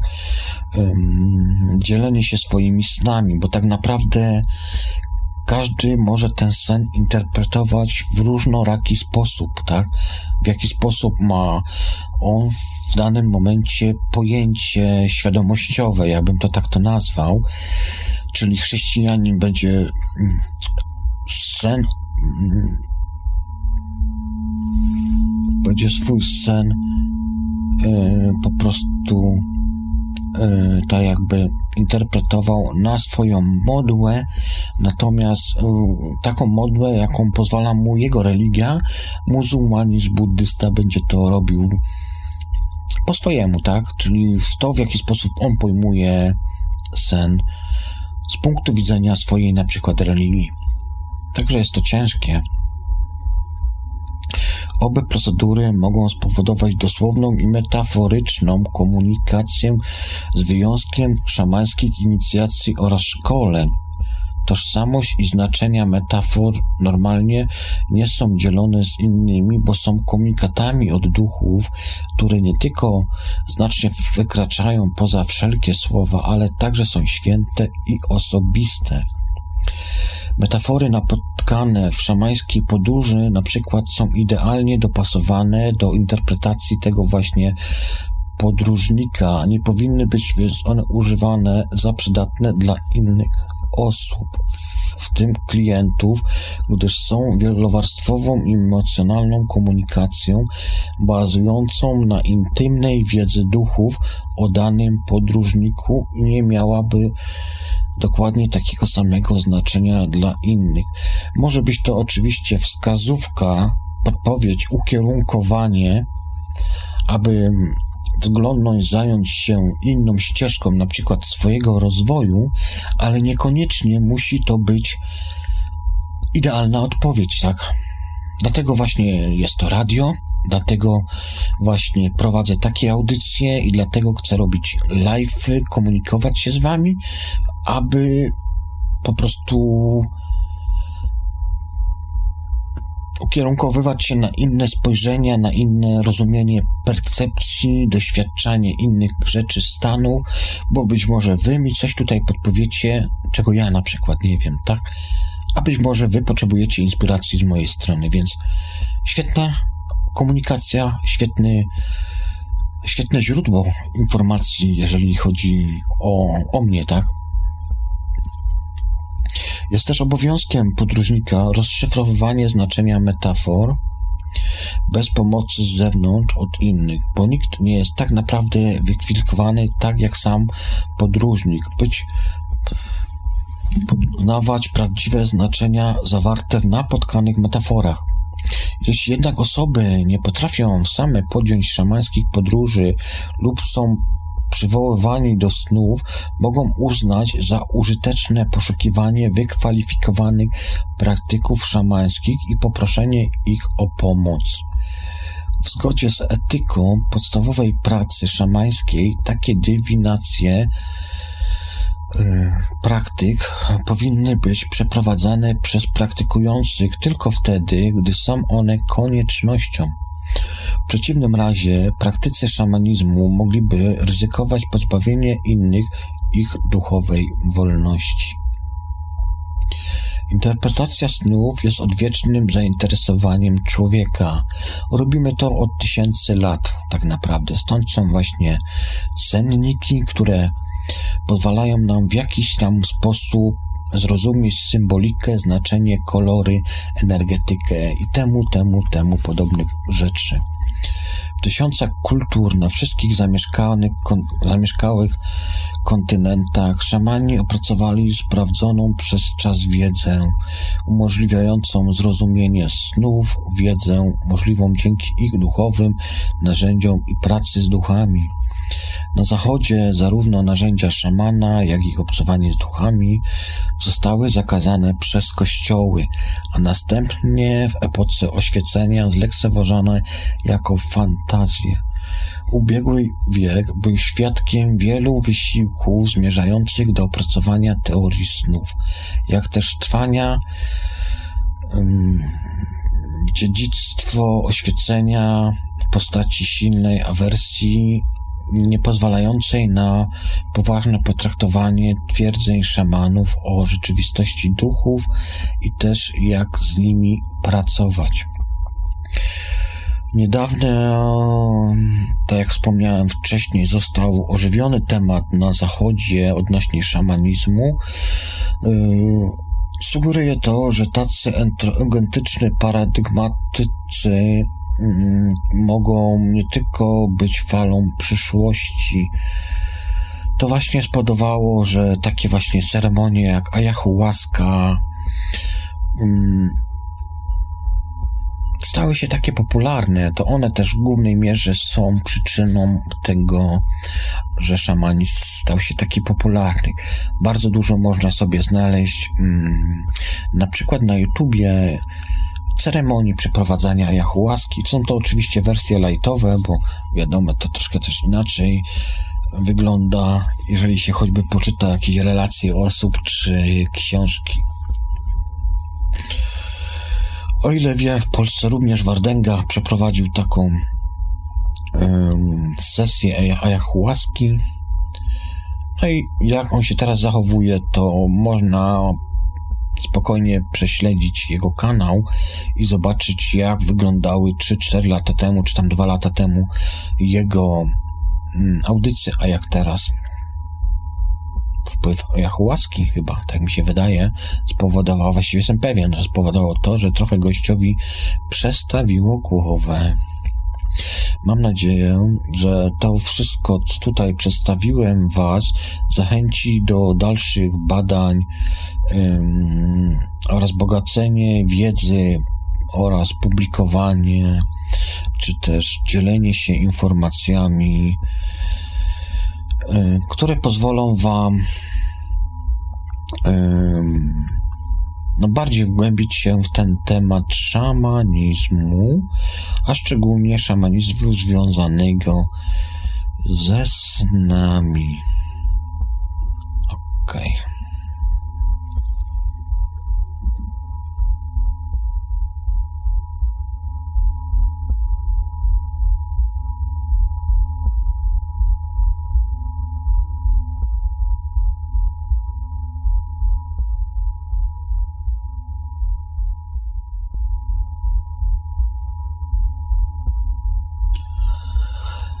Kontynuujmy dalej. W tej części chciałbym zająć się, a właściwie przedstawić Wam taki szamański rytuał snu. Jak on wygląda? No więc tak. Najpierw zapalamy świeczkę, która symbolizować ma ognisko naszych przodków. Świętą mocą takiego czystego ogniska przygotowujemy tron na ofiary dla duchów. Skupiamy swoją uwagę na tym tańczącym ogniu. Bierzemy wtedy cztery głębokie, powolne oddechy, licząc do czterech i powoli wdychamy powietrze, licząc do siedmiu, czyli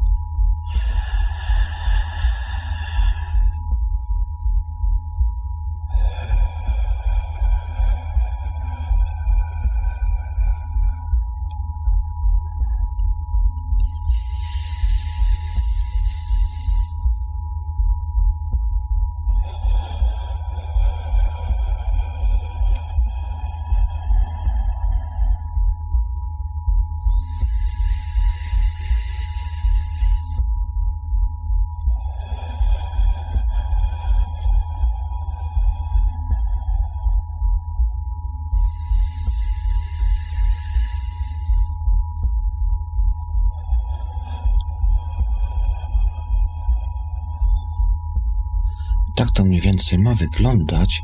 Trzeba pamiętać, aby wdychać nosem, a wypuszczać ustami.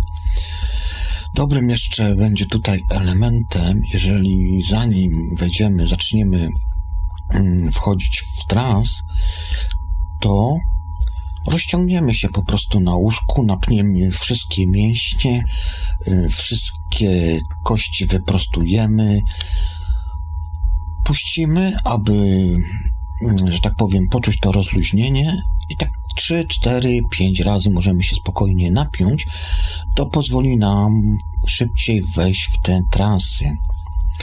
Następnie bierzemy tytoń, który jest ofiarą dla duchów, a więc zapłatą za ich obecność oraz zwracamy się do nich taką oto modlitwą. Wielki duchu i wy wybrane dobre duchy, staję w pokorze przed wami. Ofiaruję wam ten tytoń i proszę o pomoc. Ofiarujemy wtedy duchowi tytoń, zmuchając go z dłoni w czterech kierunkach. Następnie kontynuujemy. Chcę nauczyć się sztuki budowania i korzystania ze snów. Chcę je pamiętać i czuć się dzięki nim oraz uczyć.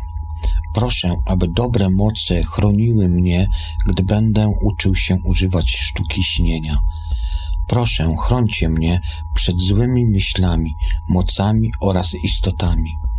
Nauczcie mnie, w jaki sposób twórczo rozwijać swoje sny, jak sprawić, żeby odpowiadały na moje pytania, były moim przewodnikiem, pomocnikiem, opiekunem, doradcą. Nauczcie mnie, jak zostać śniącym. Gdy skończymy taką modlitwę, znowu skupiamy swoją uwagę na tańczącym ogniu. Bierzemy wtedy cztery głębokie, powolne oddechy, licząc do czterech i powoli wydychamy powietrze, licząc do siedmiu.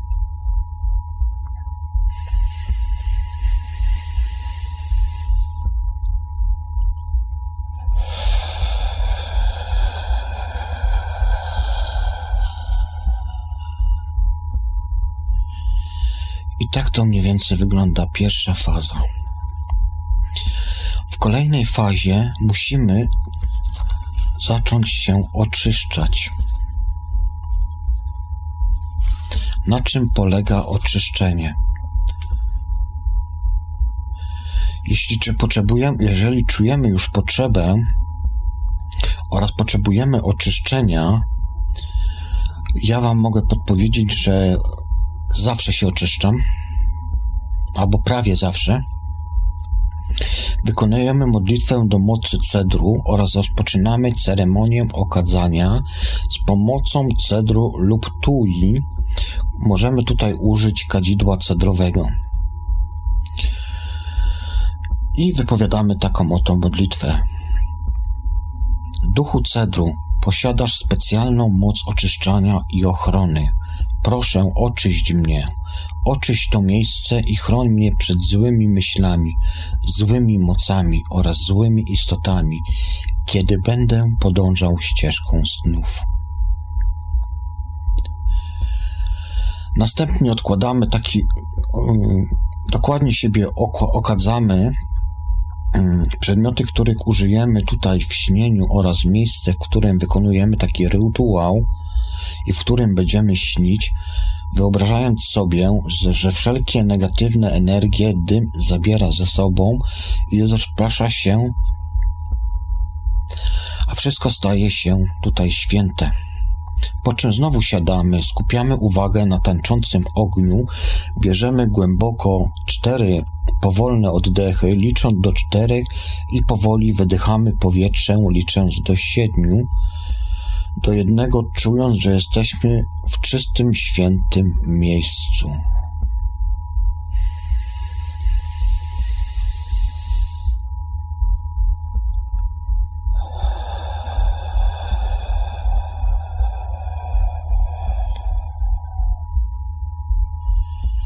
Należy tutaj również pamiętać, abyśmy e, pobierali powietrze nosem, a wydychali ustami.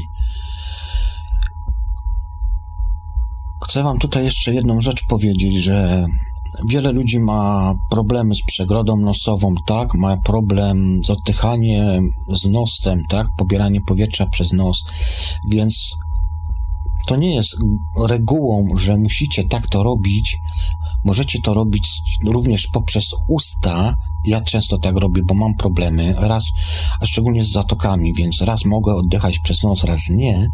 Natomiast możecie to, mówię, wykonywać poprzez usta, z tym, że z ustami będziecie mieli problem, bo wdychane i wdychane powietrze powoduje to, że usta zasychają, tak? I możecie po prostu w pewnym momencie odkaszlnąć, że tak powiem, a to spowoduje, że wyprowadzicie się z transów.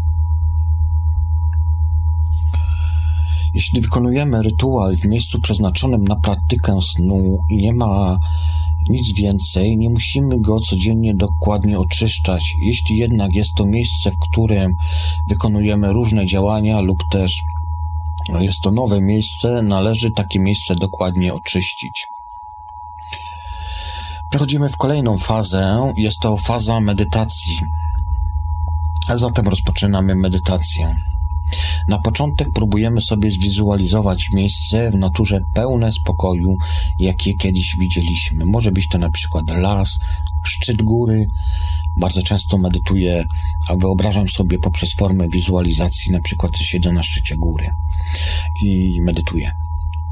Próbujemy tutaj przywołać związane z, z tym czasem pozytywne swoje doświadczenia, które poznaliśmy, poczuć zapach drzew, ciepły wiatr, słyszeć dźwięk płynące wody, wody, strumyczka padającego deszczu. Wszystko zależy od Was. Mówimy sobie, że jesteśmy odprężeni, zrelaksowani i pozwalamy sobie, aby rozluźnienie powoli spłynęło od szczytu głowy do palców w dół. Pamiętajcie, od szczytu głowy do palców w dół. Następnie wizualizujemy sobie jasną, ciepłą moc słońca, które powoli oczyszcza oraz ładuje każdy z naszych środków energii w ciele, w głowie, w gardle, w sercu, w pępku, w dole brzucha i u nasady kręgosłupa. Próbujemy wtedy odczuć przyjemne, od, odprężające ciepło w całym naszym ciele. Poczujemy się wtedy, jakby nas podnosił się poziom wibracyjny, a następnie napięcie, gniew i frustracja. Opuszczają nasz umysł, ciało oraz duszę. Czując to, powtarzamy w duchu: Jestem silny, jestem zdrowy, jestem szczęśliwy, jestem chroniony, jestem jednym ze słońc. Na zakończenie śpiewamy lub słuchamy, bo też możemy um, zastosować tutaj jakąś mantrę, jakiejś szamańskiej pieśni. Kolejnie przechodzimy do modlitwy snu, mocy snu. Zapalamy świeczkę, która symbolizuje ogniska naszych przodków, świętą moc czystego ognia. Przygotowujemy tytoń na ofiary dla duchów. Skupiamy tutaj uwagę na tańczącym ogniu, bierzemy cztery głębokie, powolne oddechy, licząc do czterech oraz powoli wydychamy powietrze, licząc do siedmiu.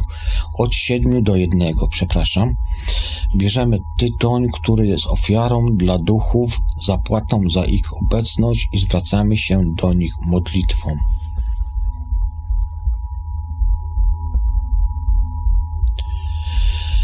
Wielki duchu i wy, dobre duchy, staję w pokorze przed wami. Ofiaruję wam ten tytoń i proszę o pomoc. Ofiarujemy duchom tytoń, zdmuchając go z dłoni w czterech kierunkach.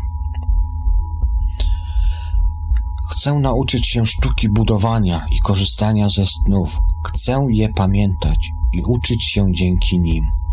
Proszę, aby dobre moce chroniły mnie, gdy będę uczył się używać sztuki śnienia.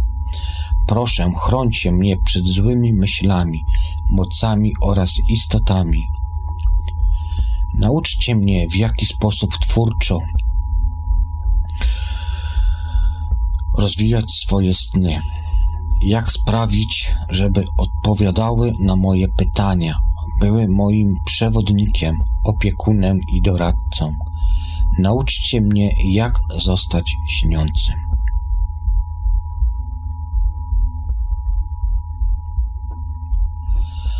Kończąc taką modlitwę, znów skupiamy uwagę na tańczącym ogniu. Bierzemy cztery głębokie, powolne oddechy, licząc do czterech i powoli wydychamy powietrze, licząc do, od siedmiu do jednego. Kolejny etap jest to zasypianie. Kładziemy się spać, przywołujemy moc snu, ofiarujemy jej tytoń i powtarzamy modlitwę, po czym kładziemy się i medytujemy na nią jak wcześniej. Przypominamy sobie, jak kompletowaliśmy księżyc w pełni, czujemy jego moc, jego delikatne, chłodne, uspokajające światło na naszej skórze, które przenika nas, napełnia, oczyszcza i uspokaja nasz umysł. Oczywiście możemy tutaj mieć inną wizualizację, to jest tylko taki przykład z mojej tutaj strony.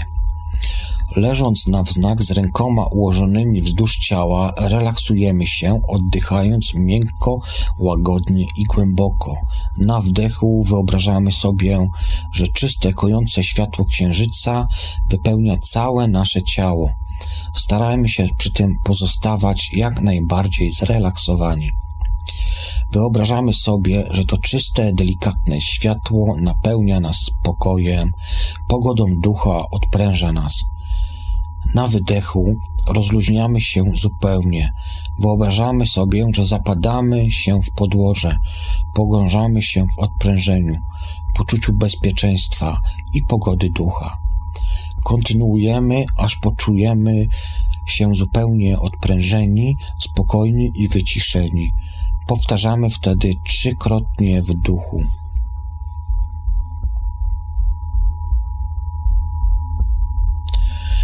Dzięki mocy światła księżyca, dziś w nocy mój sen będzie spokojny i zrelaksowany. Moje sny będą wyraziste i będę je pamiętał. Świadomość w moich snach będzie wzrastała i będę mógł rozpoznać, że śnię. Otworzę się na przekaz mojej wewnętrznej mądrości i spróbuję zrozumieć mądrość snów.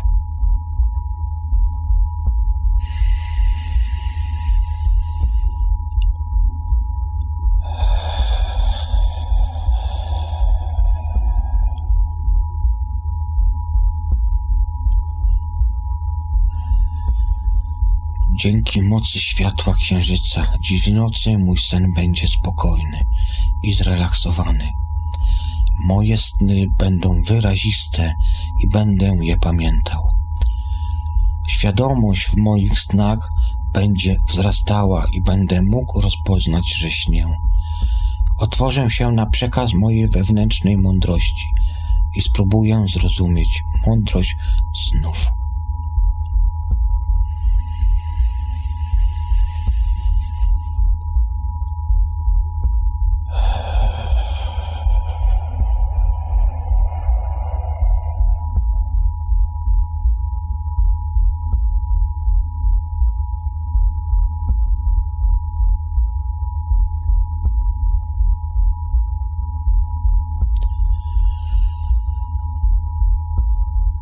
Dzięki mocy światła księżyca dziś w nocy mój sen będzie spokojny i zrelaksowany. Moje sny będą wyraziste i będę je pamiętał. Świadomość w moich snach będzie wzrastała i będę mógł rozpoznać, że śnię.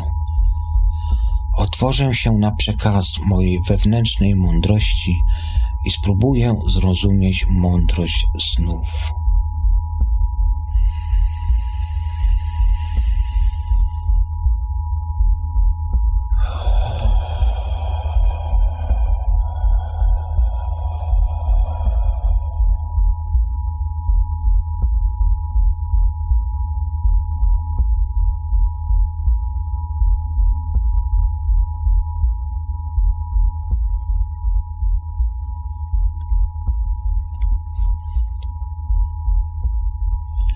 Uświadamiamy sobie, że otula nas czyste światło mocy księżyca, wypełniając wszystko wokół i to napełnia nas błogą, radością i pogodą ducha.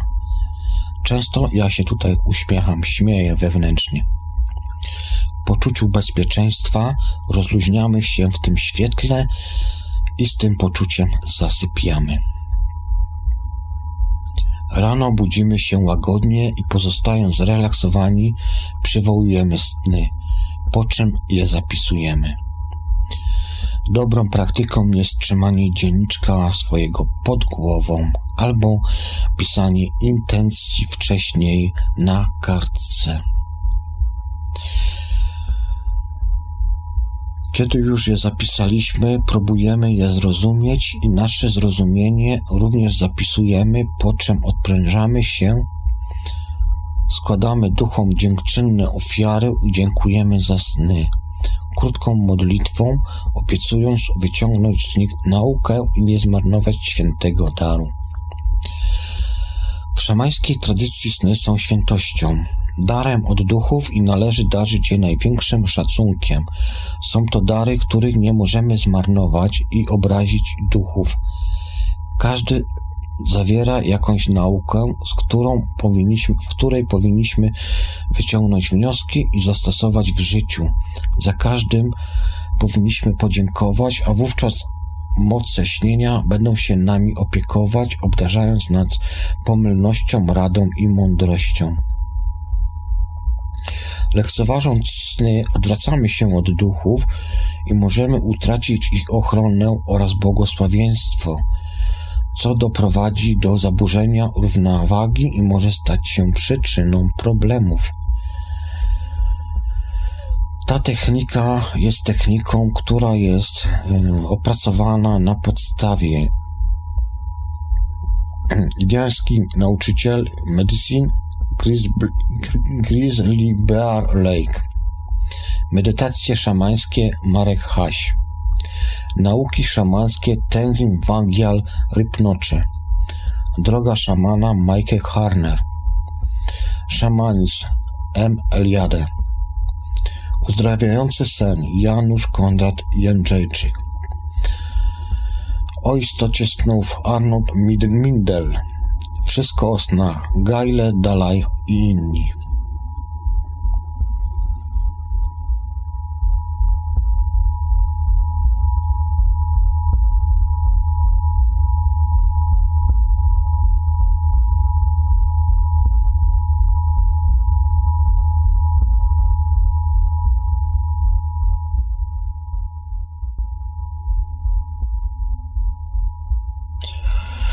Jakie są rady szamanów no, odnośnie łowcy snów? Może komuś się przyda, więc przytoczę wam. Charakterystyczny dla szamanizmu jest podział doświadczenia ludzkiego na dwie całkowicie przeciwstawne sobie sfery. Zwyczajna rzeczywistość jest to rzeczywistość naszego codziennego życia, którą znamy jako prawa i fizyki. I fizyki yy, i tak dalej. Szamańska rzeczywistość jest to rzeczywistość wyobraźni, wizji oraz snów, dostępna jedynie nielicznym, tym, którym wrażliwość pozwala dostrzegać rzeczy ukryte przed doświadczeniem ogółu. W tym szczególnym stanie świadomości szamani mogą przewidywać przyszłość, leczyć nieuleczalne choroby, wpływając na zjawiska i wydarzenia zewnętrzne. Mogą chodzić po ogniu, sprowadzać deszcz, oddawać, oddalać chorobę oraz nieszczęścia. Pierwszym krokiem na drodze do takiego stanu jest umiejętność kontrolowania swoich snów. Aby kontrolować swoje sny, należy spać z głową zwróconą na północny zachód. Pod głową umieszczamy małą poduszkę wypełnioną ziołami sprowadzającymi luszczane sny. Poduszkę tę umieszczamy na ogół pod wielką poduszką, na której śpimy. Podstawowe zioła używane tutaj to szałwia, cetr, inaczej tuja i lawenda. Można także oprócz tego dodać mięty, koniczynkę, dziewannę oraz chmiel. Poza ziołami w poduszce powinny znajdować się kryształy kwarcu i niebieski turkus. Zioła powinny być świeże i dokładnie zmieszane w równych proporcjach. Kiedy stracą swój zapach, powinny być wymienione na świeże. Indiański szaman zaleca także umieszczenie u wezgłowiu pióropuszu z dwóch piór sowik i jednego jaszczębiego, przewiązanych czerwoną przędzą. Pióra sowie sprowadzają sny, zaś jaszczębie symbolizują dialog pomiędzy wyższą i niższą świadomością. Do przędzy przywiązany jest mały diament Herkimer i turkusowy niedźwiedź. Niedźwiedź jest stróżem świętych snów. Przed snem, leżąc na plecach, przypominamy sobie wszystkie zdarzenia z minionego dnia, od momentu przebudzenia do chwili położenia się do łóżka. Następnie szybko przelatujemy te zdarzenia w wyobraźni i w porządku odwrotnym. To jest od wieczora do rana, starając się nie zatrzymywać dłużej na poszczególnych wydarzeniach, nie komentować ich, nie analizować, ani nie poprawiać. To ćwiczenie ma na celu oczyszczenie świadomości z wrażeń codziennych, tak aby nie musiały pojawiać się one we śnie. Oddychając wolno przez nos, wprowadzamy powietrze do dolnych części płuc, do podbrzusza tak nisko jak to możliwe. Na chwilę zatrzymujemy tam oddech, a następnie wydychamy powoli przez usta. Jednocześnie sprowadzamy swą uwagę do stóp i koncentrujemy się na nich. Stopy muszą poczuć, że umysł jest świadomy. Wówczas to tonem rozkazującym każemy swym stopom zasnąć i, nie, i przestać się ruszać. To samo czynimy, posuwając się w górę ciała z kolanami, udami, brzuchem, klatką piersiową, plecami, ramionami, rękami. Szczególnie wiele uwagi należy poświęcić ramionom, barkom oraz rękom. Następnie przechodzimy do szyi i głowy, którym również należy poświęcić wiele czasu.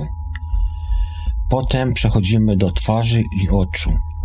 Kiedy jesteśmy przy oczach, staramy się skierować wzrok na czubek głowy. Tak dalece, jak to jest możliwe. Nazywa się to tak zwanym szukaniem piątego oka, czyli oka luszczonych snów. Zamykamy oczy i stale patrząc do tyłu, liczymy w, myśle, w myśli do trzech, skupiając całą swoją uwagę na oku luszczanych snów. Rozkazującym tonem mówimy wtedy do siebie. Moje oko snów jest otwarte, a zwykłe oczy są zapieczętowane. Od tego momentu e, oczy powinny zostać zamknięte. Liczymy w myśli od, od do jeden. Czyli na przykład o 1, 2, 3, 4, na przykład do, do 50, czy tam do 50 wystarczy i z powrotem, bo przy większej ilości prawdopodobnie zaśniemy. Następnie się relaksujemy. Kiedy dojdziemy do jeden, mówimy do siebie w mocnym postanowieniu. Tej nocy jestem zjednoczony z moją wyższą jaźnią. Będę kontrolował swoje sny. Moje śniące ciało będzie świadome tego, że śni i będzie pamiętać swoje sny. W tym stanie czekamy, aż pojawi się sen. Dalsza część praktyki jest możliwa tylko wtedy, jeśli podczas snu zachowamy świadomość tego, że właśnie śnimy. Należy wówczas poszukać swego odbicia w lustrze. Mówimy do siebie rozkazującym tonem: Spójrz na swe odbicie, muszę zobaczyć swe odbicie. Jeśli to się uda, trzeba następnie przenieść swoją świadomą w odbicie luszczane i stamtąd spojrzeć na swoje śniące ja.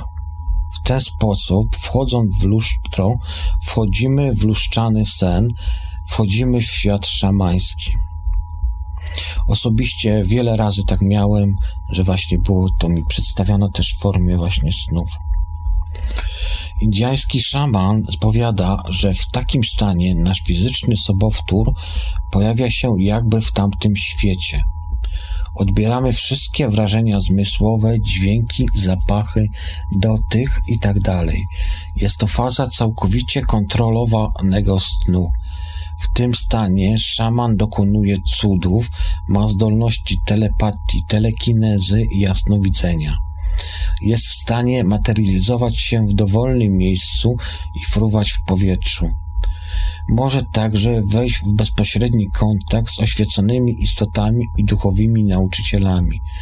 Jeśli poprosi o spotkanie z nauczycielem snu, ten z pewnością się pojawi, gdy czas odpowiedni dojrzeje. Kiedy ktoś nauczy się przychodzić płynnie z naszej trójwymiarowej rzeczywistości do świata wizji i z powrotem, zachowując pamięć tamtych doświadczeń, te dwa światy staną się w koczu czymś jednym. On sam staje się wtedy tęczowym wojownikiem. I tutaj zapraszam Was do lektury yy, pana Marka Hasa, medytacja szamańskie, medytacje szamańskie i on tam między innymi pisze w tej książce o pieśni mocy, przedmiotach mocy, rozmowy z ogniem, medytacji z kamieniem, ceremonii okadzania, medytacja z drzewem, medytacja z kryształem kwarcu. Przedstawia tutaj również taniec, energetyzacji wody, duchy opiekuńcze, wyższe i niższe światy, wewnętrzny ogień, łowca snów, milcząca medytacja, droga, której nie ma, szamanizm, terapia oraz magia.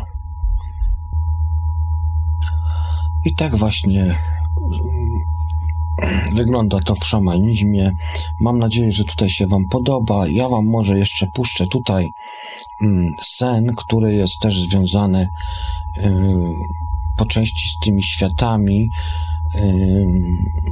może jeszcze zanim, zanim puszczę Wam ten sen, to w takim razie ja Wam tutaj jeszcze przedstawię koncepcję tych światów, tak? Górny, dolny oraz środkowy, jak to tutaj yy, wygląda, ale to może za chwileczkę. Na początku przedstawię Wam Dolny Świat oraz jego mieszkańców w mitologii ludów Syberii. Ludy Syberii sytuowali Dolny Świat pod ziemią bądź gdzieś daleko na północy, tam gdzie Ziemia swym krańcem dotyka nieba, a kosmiczna rzeka kończy swój bieg. Lokalizacja zmarłych przodków w podziemiach jest zgodna z zgodnia, zgodna z weryfikalną orientacją percepcji wszechświata, która uznawana jest za pierwotną w stosunku do orientacji horyzontalnej, wykształconej przez szamanizm. Niezależnie jednak w jakim kierunku podążała po śmierci eks, eks, ekskortowana przez szamana dusza, wyobrażenia o miejscu docelowej wędrówki Królestwie Zmarłych są u poszczególnych ludów bardzo do siebie podobne. Do świata cieni wiedzie przejście w postaci szczeliny lub dziury znajdującej się w ziemi. Prowadzi tam również rodowa rzeka, nad brzegiem której podziemni strażnicy chronią przejścia do podziemnego świata. Organizacja świata zmarłych nie różni się na pozór od organizacji świata żywych. Obserwowany obraz ma jednak cechy negatywu. Na przykład, gdy w świecie ludzi panuje noc, w świecie zmarłym w tym samym czasie wschodzi słońce. Słońce oraz księżyc nie są tam realnymi ciałami niebieskimi, takimi jakim widzi je człowiek tu na ziemi, ale stanowi jakby ich cienie, często szczerbate, wysyłające mgliste promienie. Jednorękie, jednookie i jednonogie istoty pasą na pokrytych żelazną roślinnosą pastwiskach zwrodniałe bydło. Rzeki wpadają do swych źródeł, a woda w jeziorach kipi i bulgoce. Istoty mrocznego świata mają długie nosy, mieszkają w świetlanych domach i posługują się językiem niezrozumiałym dla szamanów. Ten osobliwy świat na opak jest gościnny jedynie dla tych istot, które pozbawione zostały życia. Zarówno ludzie, jak i zwierzęta muszą najpierw umrzeć, aby uzyskać przepustkę do krainy śmierci. Także przedmioty, które zmarły, zabiera się ze sobą na tamten świat. Muszą być jednak najpierw uśmiercane. Dlatego też krewni zmarłego, nim odprowadzą go w ostatnią podróż, dziurawią garki, kociołki, łamią noże, strzały, grzebienie, rozprowają odzież, odkrywają podesz od, odrywają podeszwy butów, odbierając im w ten sposób duszę, przez co uniemożliwiają ich egzystencję w zaświatach. Dusze zmarłych, które przedostały się na tamten świat, nie żyją w osamotnieniu. W ich otoczeniu znajdują się duchy oraz bóstwa tworzące podziemny subsystem panteonów ludów Syberii. Poprzez, po podróż w syberyjskie zaświaty rozpocznie się zapoznaniem z władzami autyjskiego boga Alrika. Wierzeniach Autajczyków królestwo Erika jawi się jako bagnista kraina zbudowana z dziewięciu warstw, w których mieszkają bóstwa i duchy dolnego świata. W świecie tym znajdują się trzy jeziora – Jedno z nich jest wypełnione ludzkimi łzami spływającymi y, doń podczas opłakiwania zmarłych, drugie tworzy krew zabitych lub śmiertelnie rannych w walce, natomiast trzecie jest bezdenne i czarne. Przychodzi przez nie most wykonany z końskiego włosa, strzeżony przez duchy podziemnego świata, opodal którego przebywają dusze zmarłych. W całym królestwie panuje półmrok, potęgując wrażenie cierpienia i śmierci. Sam władca dolnego świata, Erik, niewidzialny dla ludzi, a przez szamanów opisywano jako starzec o czarnych, gęstych włosach, opadających na plecach, długich czarnych wąsach, które zakłada sobie za uszy brodzie sięgającej do kolan. Mieszka, mieszka w pałacu zbudowanym z czarnego szlamu i żelazia nad brzegiem rzeki Tojbodym, do którego uchodzi dziewięć innych rzek wypełnionych ludzkimi łzami. Eryk porusza się w swym królestwie w bez wioseł lub jadąc na byku. Pierwotnie Erik miał także wspaniałego konia Argamaka, galopującego z prędkością strzały. Pewnego razu zaproponował któremuś z bóz górnego świata wymianę Argamaka na duszę jednego z bohaterów. Erik Erlik został jednak oszukany, oddając cudowne zwierzę, zamiast duszy bohatera otrzymał on czarnego byka. W Dolnym Świecie mieszkają także dzieci Erlika, jego córki oraz synowie. O córkach przekazy mówią, iż są to brzydkie, bezwstydne i szydzące istoty o twarzach czarnych jak klej, mające kędzierzawe włosy splecione w warkocze. Głównym ich zajęciem, a raczej rozrywką, są polowania na dusze szamanów, które przybywają z ofiarą dla Erlika w momencie kamłania. Pochwyconą zdobycz mieszkanki podziemni starają się przekonać, iż przyniesie ofiarę, iż przyniesioną ofiarę oraz tos, jak oni to nazywają, czyli duchy pomocniczy szamana, należy przekazać w ich ręce. Jeżeli szaman ulegnie namowom, Erlik każe go śmiercią. Erlik ma także synów siedmiu, według innych wersji jest ich dziewięciu. Są to potężne czarne istoty o żelaznych głowach, rezydujące w dziewięciu warstwach podziemnego świata, gdzie władają morzem, jeziorami oraz rzekami, nad którymi mieszkają podległe im potwory. Synowie Erlika zsyłają na ludzi choroby, jednak gdy zachodzi potrzeba, wysłani przez swego ojca na ziemię, łagodzą konflikty między ludźmi, a szkodzącymi ich duchami, które każą wrzuceniem do kipiącego kotła. Ta niejednoznaczna rola synów Erlika znajduje wyraz, wyraz w uczuciach, jakim darzą ich ludzie. Z jednej strony człowiek boi się gniewu oraz siły, jaką reprezentują, z drugiej jednak odnosi się do nich z szacunkiem, składając kolejne ofiary, hojne ofiary. Dolny świat wschodnich sąsiadów Autajczyków Tuwinczyków zbudowany jest z 18 warstw. Dzieli się na krainę Erlika, a więc y, głowy podziemnego świata i świata zmarłych oraz na krainę złych duchów, Aza, pozostających pod rządami Erlika.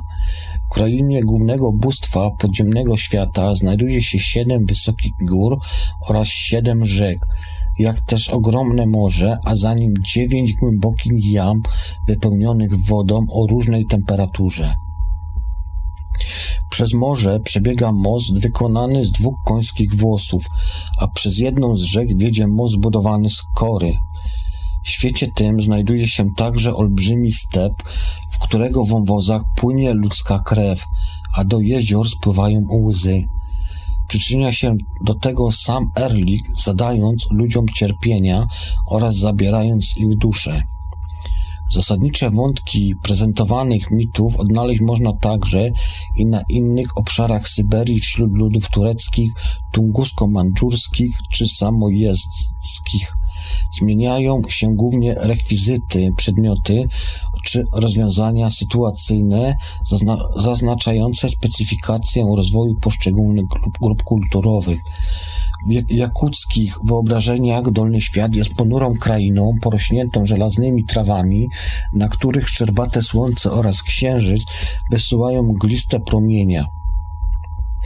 Istniejące tutaj morze nieszczęść przelewa się falami trupich małych dzieci, pluska zwłokami chłopców i unosi martwe ciała młodzieńców.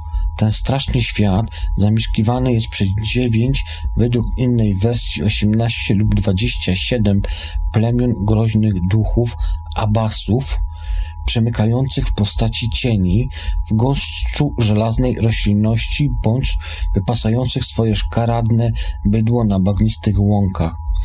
Według jednego z przekazów Abasy dolnego świata nie należy mylić ich z Abasami górnego czy środkowego świata. Zamieszkiwały on dziś wspólnie um, z ludźmi ziemię. Aby uwolnić się od złych duchów, człowiek ucieka się do podstępów, w efekcie którego zmusiły je one do opuszczenia środkowego świata. Odtąd też abasy nawiedzają ziemię, niosą rozliczne zagrożenia tak dla ludzi, jak i dla zwierząt.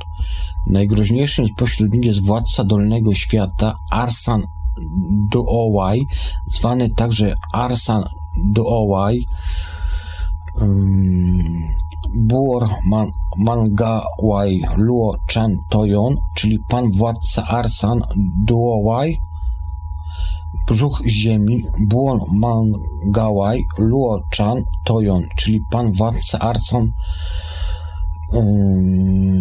podziemny smok.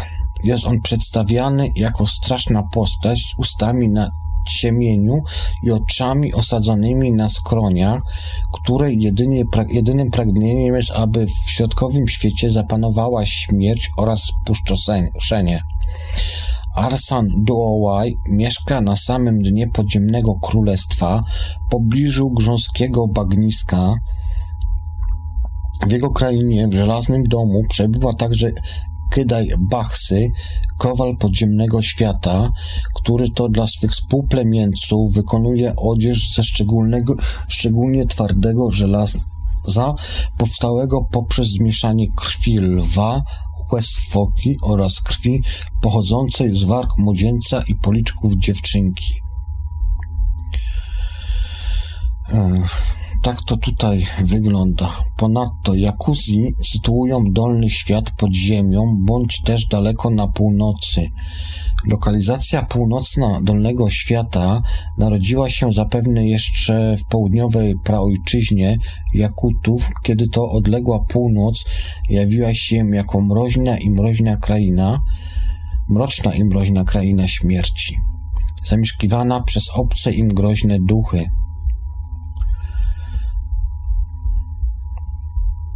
O północnej lokalizacji Dolnego Świata wspominają najczęściej eposy bohaterskie, w których herosi, herosi wyruszają na kraniec świata, by między innymi toczyć bitwy z groźnymi duchami. Ów kraniec świata znajduje się zwykle w miejscu, gdzie nad ognistym morzem żelazne ptaki bronią wstępu do krainy złych duchów. W jednych z takich epizodów bohater pokazuje, a właściwie pokonuje jednego strażnika i przekracza granicę dolnego świata. Przekształcając się kolejno w byka, następnie w rybę oraz ptaka, mija dziewięć mórz, za którymi odnosi zwycięstwo nad duchami. Według Ewenków dolny świat zbudowany jest z kilku warstw, które zamieszkują jego władcy, liczne duchy oraz umarni. Organizacja Dolnego Świata zbliżona jest do organizacji świata ludzi z tą tylko różnicą, jest to świat istotny, a właściwie istot pozbawionych oddechu i gorącej krwi, mówiących innym niż ludzki język. Człowiek, który przedostanie się tam przez przypadek, nie jest w stanie nawiązać kontaktu z jego mieszkańcami. Jeden z przekazów doskonale ilustruje tę sytuację. I teraz tutaj zacytuję. Pewnego razu człowiek znalazł otwór w ziemi i poszedł drogą wiodącą w dół. Gdy znalazł się w podziemiach, napotkał jurtę i wszedł, będąc niewidocznym, do jej wnętrza. Znajdował się tam mężczyzna oraz dwie kobiety.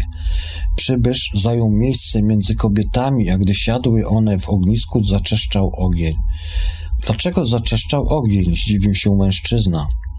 Z kolei człowiek dotknął jedną z kobiet, która z tego powodu zachorowała. Znamienny, znamienny ogień zaczeszczał i jak zachorowała, wałam, przywołajcie szamana, powiedziała kobieta. Przybywszy, szaman zaczął kłam, kamlać, lecz bez rezultatu. Kobieta nadal nie odzyskiwała zdrowia.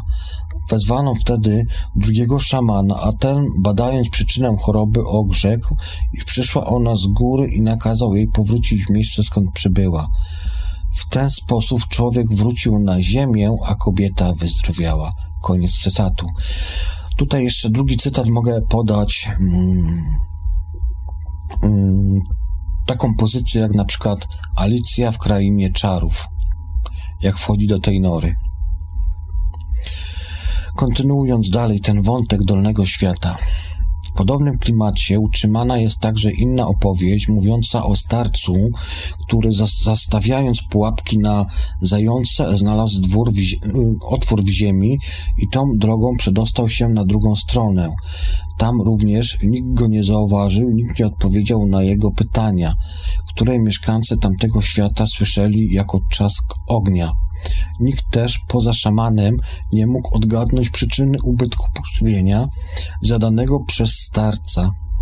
Szaman w końcu odprawił kłopotliwego przybysza z powrotem na ziemię.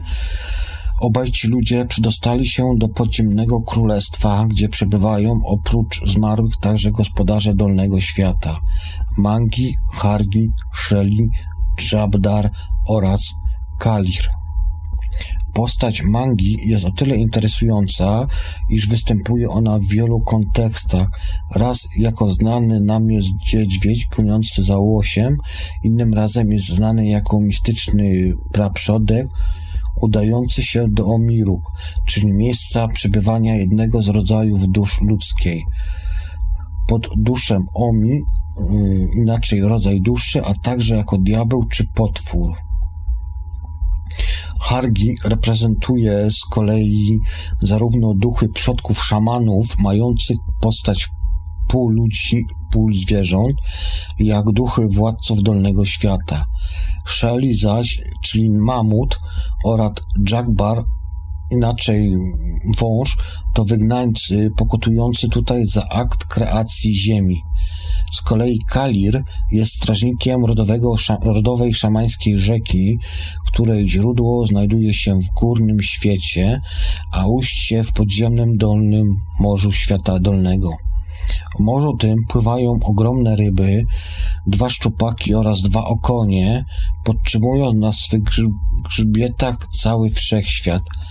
Strażnik rodowej rzeki ma postać ogromnego, silnego i dzikiego renifera z rybim ogonem. Z dolnym światem związana jest również postać staruchy, gospodyni świata zmarłych, która decyduje o losie przywożonych przez szamana dusz.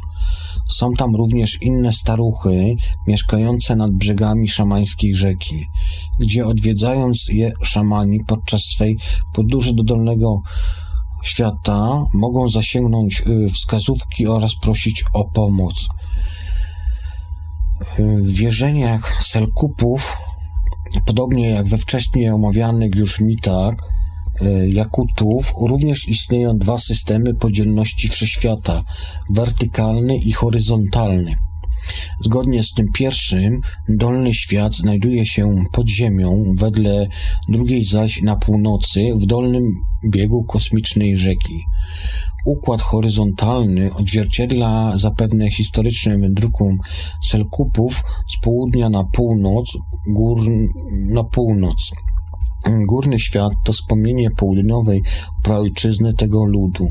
Zgodnie z wierzeniami wypływa stamtąd mistyczna rzeka, kończąca swój bieg w dolnym świecie, w mrożnej krainie zmarłych. Nad środkowym biegiem owej rzeki mieszkają Sel Selkupowie. Główną postacią dolnego świata jest wspomniany już wcześniej zły duch Kyzy, mieszkający w Morzu Zmarłych, za którym znajduje się miejsce pobytu zmarłych. Dopływają tutaj podziemne rzeki łączące się przy ujściach, którymi przybywają szamani. W trakcie kamłania, aby odszukać duszę chorego, proszą oni zmarłych krewnych o pomoc w znalezieniu jego duszy. Zanim jednak płynąc, e, płynąc, jednak płynąc rodowa rzeka dotrą tutaj, odwiedzają po podróży różne duchy w nadziei, że może któryś z nich więzi poszukiwaną przez nich duszę. Na szlaku wędrówki napotykają szkaradne czarty zwane łożami, w których najgroźniejsze znajdują się tuż przy ujściu rzeki. Jest wśród nich także jednooki starzec oraz je, jego dwaj pomocnicy, którzy w przeciągniętych w poprzek, yy, z przeciągniętą poprzek rzek sieć czarcich włosów łowią zagubione dusze yy, oraz podążając za nimi szumak szamanów, Generalnie łowią dusze i pogrążają szamanów w nich.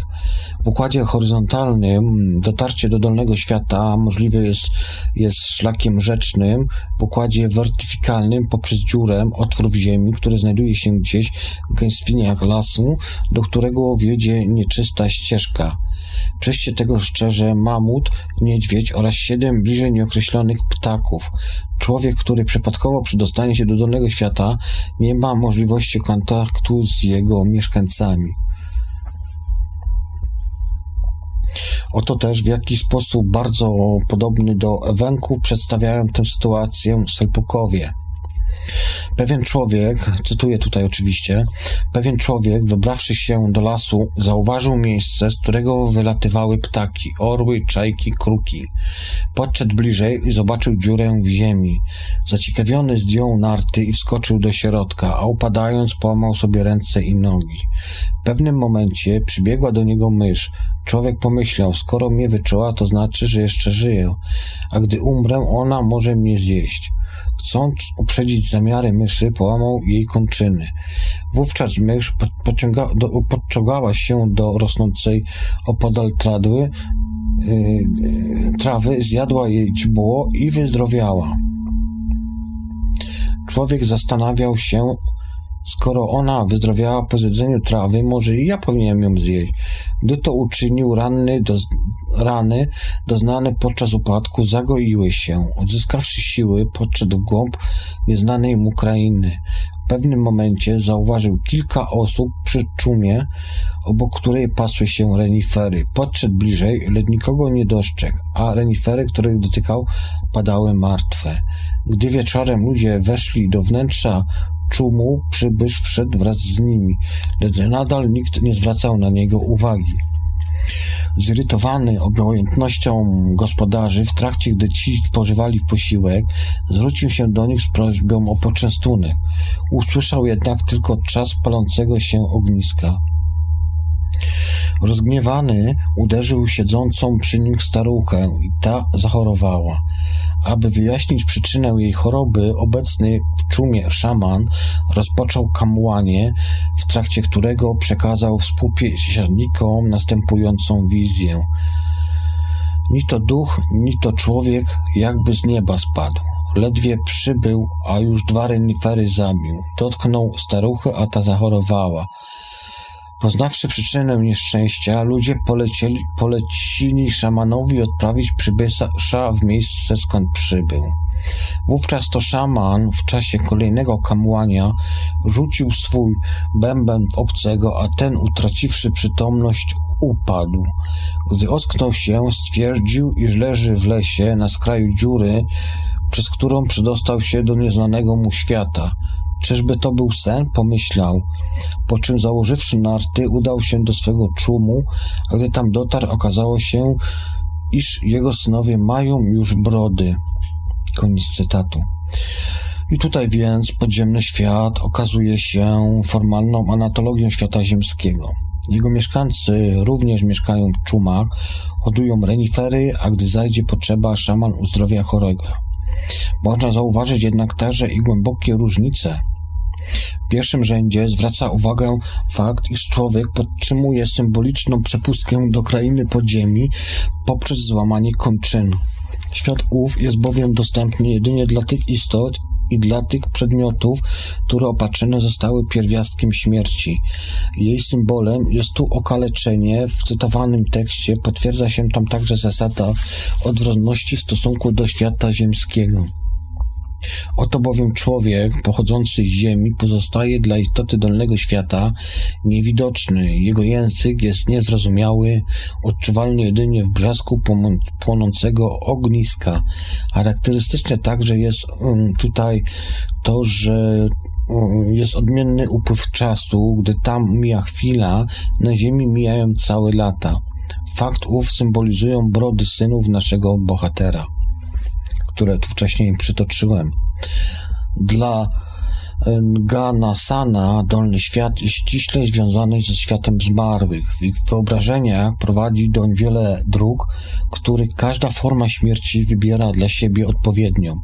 Istnieją tutaj bowiem drogi ludzi dojrzałych, zmarłych śmiercią naturalną, a także drogi dzieci, samobójców, topielców oraz tych, którzy zginęli w zamieci. Anika Siodia jest drogą, która Nganasanie uważają za główną. Podążają nią zmarli w trakcie porodów, w rezultacie chorób czy też starości, czyli w sposób naturalny. Ganasanie wyobrażają sobie ją jako rzekę, u ujścia której znajduje się ziemia zmarłych, zbudowana z siedmiu warstw, przez które kolejno przechodzą dusze, aby w końcu osiąść w najniższej, y, gdzie mieszka Serada Niami, czyli matka podziemnego lodu lub inaczej matka wiecznej zmarzliny oraz jej synowie. Serada Miami określana często jest mianem Nguo, bogini, która mieszka w lodowym czumie. Dusze zmarłych uprowadzają jej synowie Serada, Miantu, lodowi chłopcy, zwani też Seradą Bojkot, lodowi staruszkowie.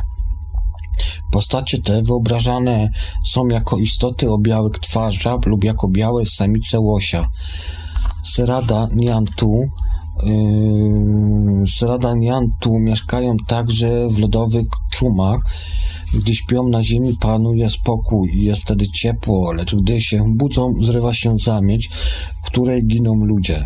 W dolnym mm, z dolnym światem związana jest także postać Tojmniami, matki wody, zwanej także Toinguo, boginią wody. Toiniami wraz ze swymi córkami Toida Konta oraz synami Toida Mniantu panuje nad wszystkimi tu wodami. Topią oni ludzi znajdujących się w wodzie i przekazują ich dusze Serada Niami. Aby utrzeć się przed utonięciem, ludzie ofiarują Toj Niami ciele renifera, które z kamieniem mm, przywiązanym do szyi wracają do wody. Tojniami uchodzi także za matkę ryb, znana jest wtedy kołiniami, które rodzą się z jej związku z Dziobiamgyo, bogiem sierotą uważanym za opiekuna ziemi. 26 maja 2015 roku. Zapis z dnia wczorajszego, czyli z 25 maja. Stanowiłem, że zrobię sobie w tym tygodniu taką sesyjkę snu, który będzie snem rozciągającym się na kilka dni. Ten sen postanowiłem, że wciągnę kapitana. Na razie nie mam potwierdzeń. Był to dopiero pierwszy sen. Wczoraj był poniedziałek, dzisiaj jest wtorek, więc też będę się przygotowywał na kontynuację tego snu. Tak jak powiedziałem kiedyś, chciałbym spróbować snu, który miałby kilka dni, znaczy jego fabuła, żeby się rozciągała na kilka dni. Już kiedyś robiłem takie sny, które trwały 2-3 dni, a teraz postanowiłem, że zrobię jakiś sen, który będzie trwał 5 dni. Jaka była moja relacja? Jaka będzie moja relacja tego pierwszego snu? Sen zaprogramowałem, ale moje programowanie polegało na tym, że wywoływałem kapitana. Wymyśliłem sobie, że spotkamy się na jakiejś górze. I tyle. Nic więcej. Resztę pozostawiłem zostawiłem swojemu umysłowi po prostu. Niech tam dalej wykreuje to, co ma być. No i tak właśnie było. Dość szybko usnąłem wczoraj. Wprowadziłem się przy pomocy aplikacji Sleep, Sleep as Android. Ustawiałem sobie wszystkie parametry. Dość szybko wszedłem, zmedytowałem się, wylądowałem w świadomym śnie. W śnie z tym spotkałem się z kapitanem, tak jakby takim rozlewisku pomiędzy rozlewisku, no na jakichś szczytach górskich, pomiędzy jedną górą a drugą górą była była kładka. My żeśmy spotkali się na tym szczycie jednej z tych gór i mieliśmy przejść poprzez ten most na drugi szczyt. Naszym celem było dotarcie do szczytu takiej dużej, wysokiej góry. Były tam, były tam lasy i tak dalej. Pod mostem nie było żadnej rzeki, przynajmniej sobie nie przypominam. Natomiast była bardzo, długa, bardzo duża, długa, no ta szczelina, ta przepaść, wręcz nie było dna widać. Spotkaliśmy się w takiej jakby szarówce. Przywitaliśmy się, oczywiście telepatycznie. Właściwie, właściwie wiedzieliśmy, poznaliśmy siebie praktycznie od razu w tym śnie. Wymieniliśmy się tam telepatycznie między sobą, co mamy robić dalej i tak dalej. I zdecydowaliśmy się, że przechodzimy przez ten most. Przechodząc przez ten most, połowie mostu gdzieś mnie wyrzuciło w górę i obserwowałem nas, jak staliśmy na środku tego mostu. Nie było żadnego wiatru, wiatr się nie kołysał, żadnego ptactwa, zwierzyny, nic z tych rzeczy. Po prostu całkowicie osobna kraina, że tak powiem, taka baśniowa, ale coś było w niej takiego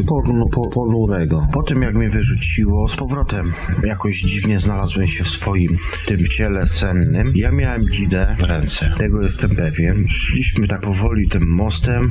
Góry były typu jak w Wielkim Kanionie, coś tego typu, a klimat był, tak jak powiedziałem wcześniej, taki, taki ponury, taki mglisty, słońca nie było nic widać i tak dalej. My żeśmy szli do przodu, zeszliśmy z tego mostu, szliśmy taką ścieżkę w górę, zeszliśmy w lasy i straciłem świadomość świadomość. Straciłem świadomość, po czym powrotem się już ocknąłem, gdy już byłem na szczycie tej góry, do której żeśmy szli. I scenarię miałem taką, że bo, ta, bo ten szczyt górski, on nie był jakiś taki ostromy, na tym szczycie górskim była jakby taka polana, nie wiem, 100 metrów na 100, 150, w każdym razie tak to mniej więcej wyglądało. Na środku tej polany było ognisko rozpalone, wokół ogniska były kamienie poukładane, od kamieni kamieni, tak gdzieś 2-3 metry od kamieni był wysypany tak jakby taki piasek i w tej scenerii ja się znalazłem z kapitanem naprzeciwko siebie, patrywaliśmy się w ognisko i coś rozmawialiśmy. Zapomniałem powiedzieć w ogóle jaki, jaki, jak, jaką moją intencją było w ogóle to spotkanie się z kapitanem. Moją intencją było to, że chciałem po prostu się spotkać nie z kapitanem i wymienić się swoimi poglądami na temat rzeczywistości. Czym tak naprawdę to wszystko jest? To całe życie, te wszystkie sny, jakie on ma teorie, rozważania i tak dalej, i tak dalej. Taką było moją to intencją. I w tym, przy tym ognisku, właśnie gdy już tam znaleźliśmy się, żeśmy zaczęli właśnie rozmawiać o,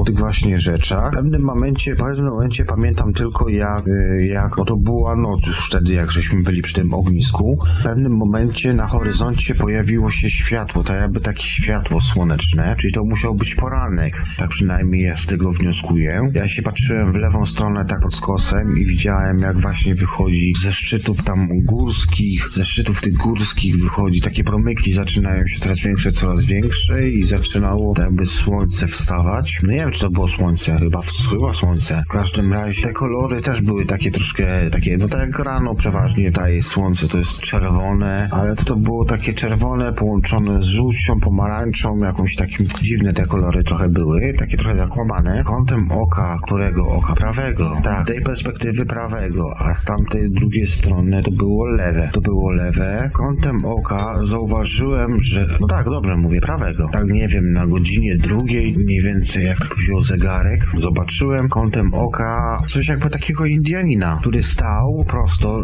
nie był wysoki, był niski, w ręce miał włócznie i obserwował nas, przypatrywał się nam. Moja świadomość w pewnym momencie tak, tak podświadomie tak w, na początku zauważyłem zignorowałem za chwilę tak jakby się odwróciłem, znaczy kątem oka, tak popatrzyłem drugi raz i zobaczyłem faktycznie, no, takiego Indianina z let, lekkim brzuszkiem. Miał takie na tym, na, na biodrach miał takie właśnie coś jakby takie listki, nie listki, no taki śmieszny taki, no jak na tych starych filmach, no kurczę, no tak to wyglądało w sumie, no. I wtedy straciłem świadomość, no i usnąłem, obudziłem się parę godzin później. Patrzyłem sobie na wykresy, miałem wczoraj dwa, dwa głębokie sny i fazy, i dwie fazy REM, także prawdopodobnie to były te dwa sny, czyli w pierwszej fazie miałem po prostu to, jak żeśmy podchodzili po tą górę, przechodząc przez ten most, a w drugiej była kontynuacja tego już na tym szczycie. Idę w tej chwili zaraz spać, mam nadzieję, że będzie kontynuacja tego, co z tym po tym Indianinie dalej no bo, no bo ciekawie to wygląda, o co to tam mogło chodzić, ale on się pojawił tak znikąd właściwie. Ani nie było słychać, żeby przychodził, było na szczycie góry, to, to jakąś taką musiał na boso był, z włócznią, troszkę to dziwne, ale zobaczymy. Zaraz idę spać, y, programuję się na tą scenę, która mi się wczoraj skończyła i będę próbował dalej śnić drugi sen, czyli kontynuację tego, bo to może mieć jakiś wątek. Także na tym zakończę to nagranie, a jutro będę prawdopodobnie nagrywał drugie, o ile mi się coś prześnie, bo jak nie, to będzie to pojutrze pewnie. No i właśnie w ten sposób dobiegamy do końca. Ja się z wami tutaj już będę żegnał powolutku. Yy,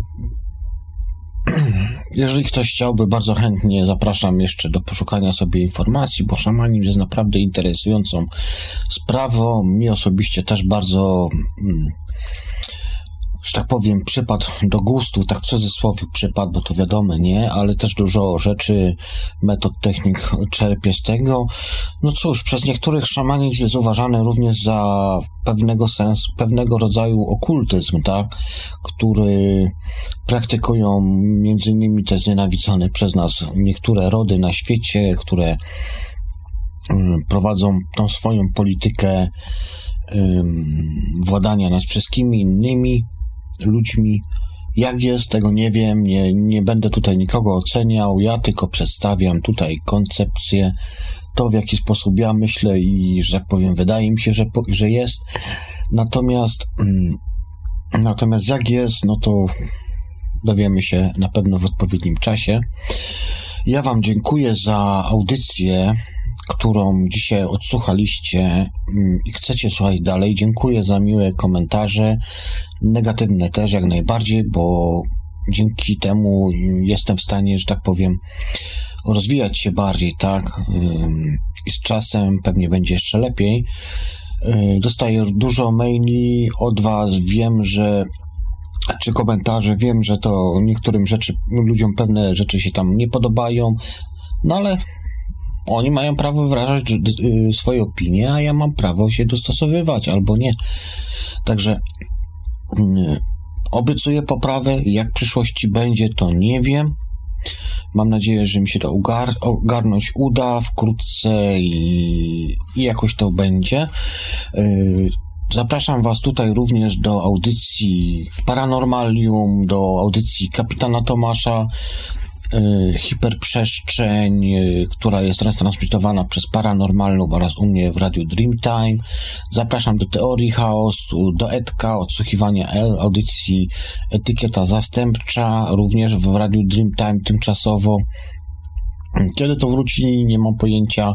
Wiem, że są tam robione plany y, i inne rzeczy, aby to wszystko y, na nowo zaczęło funkcjonować. Nie mogę więcej powiedzieć, bo, bo nie mogę, nie jestem upoważniony. Natomiast wiem, że tam chłopaki coś działają dość ostro. No, także na zakończenie Wam puszczę jeszcze Dreamtime. Y, a ja Wam mówię przysłowiowe Cześć i do następnego. Projekt i realizacja.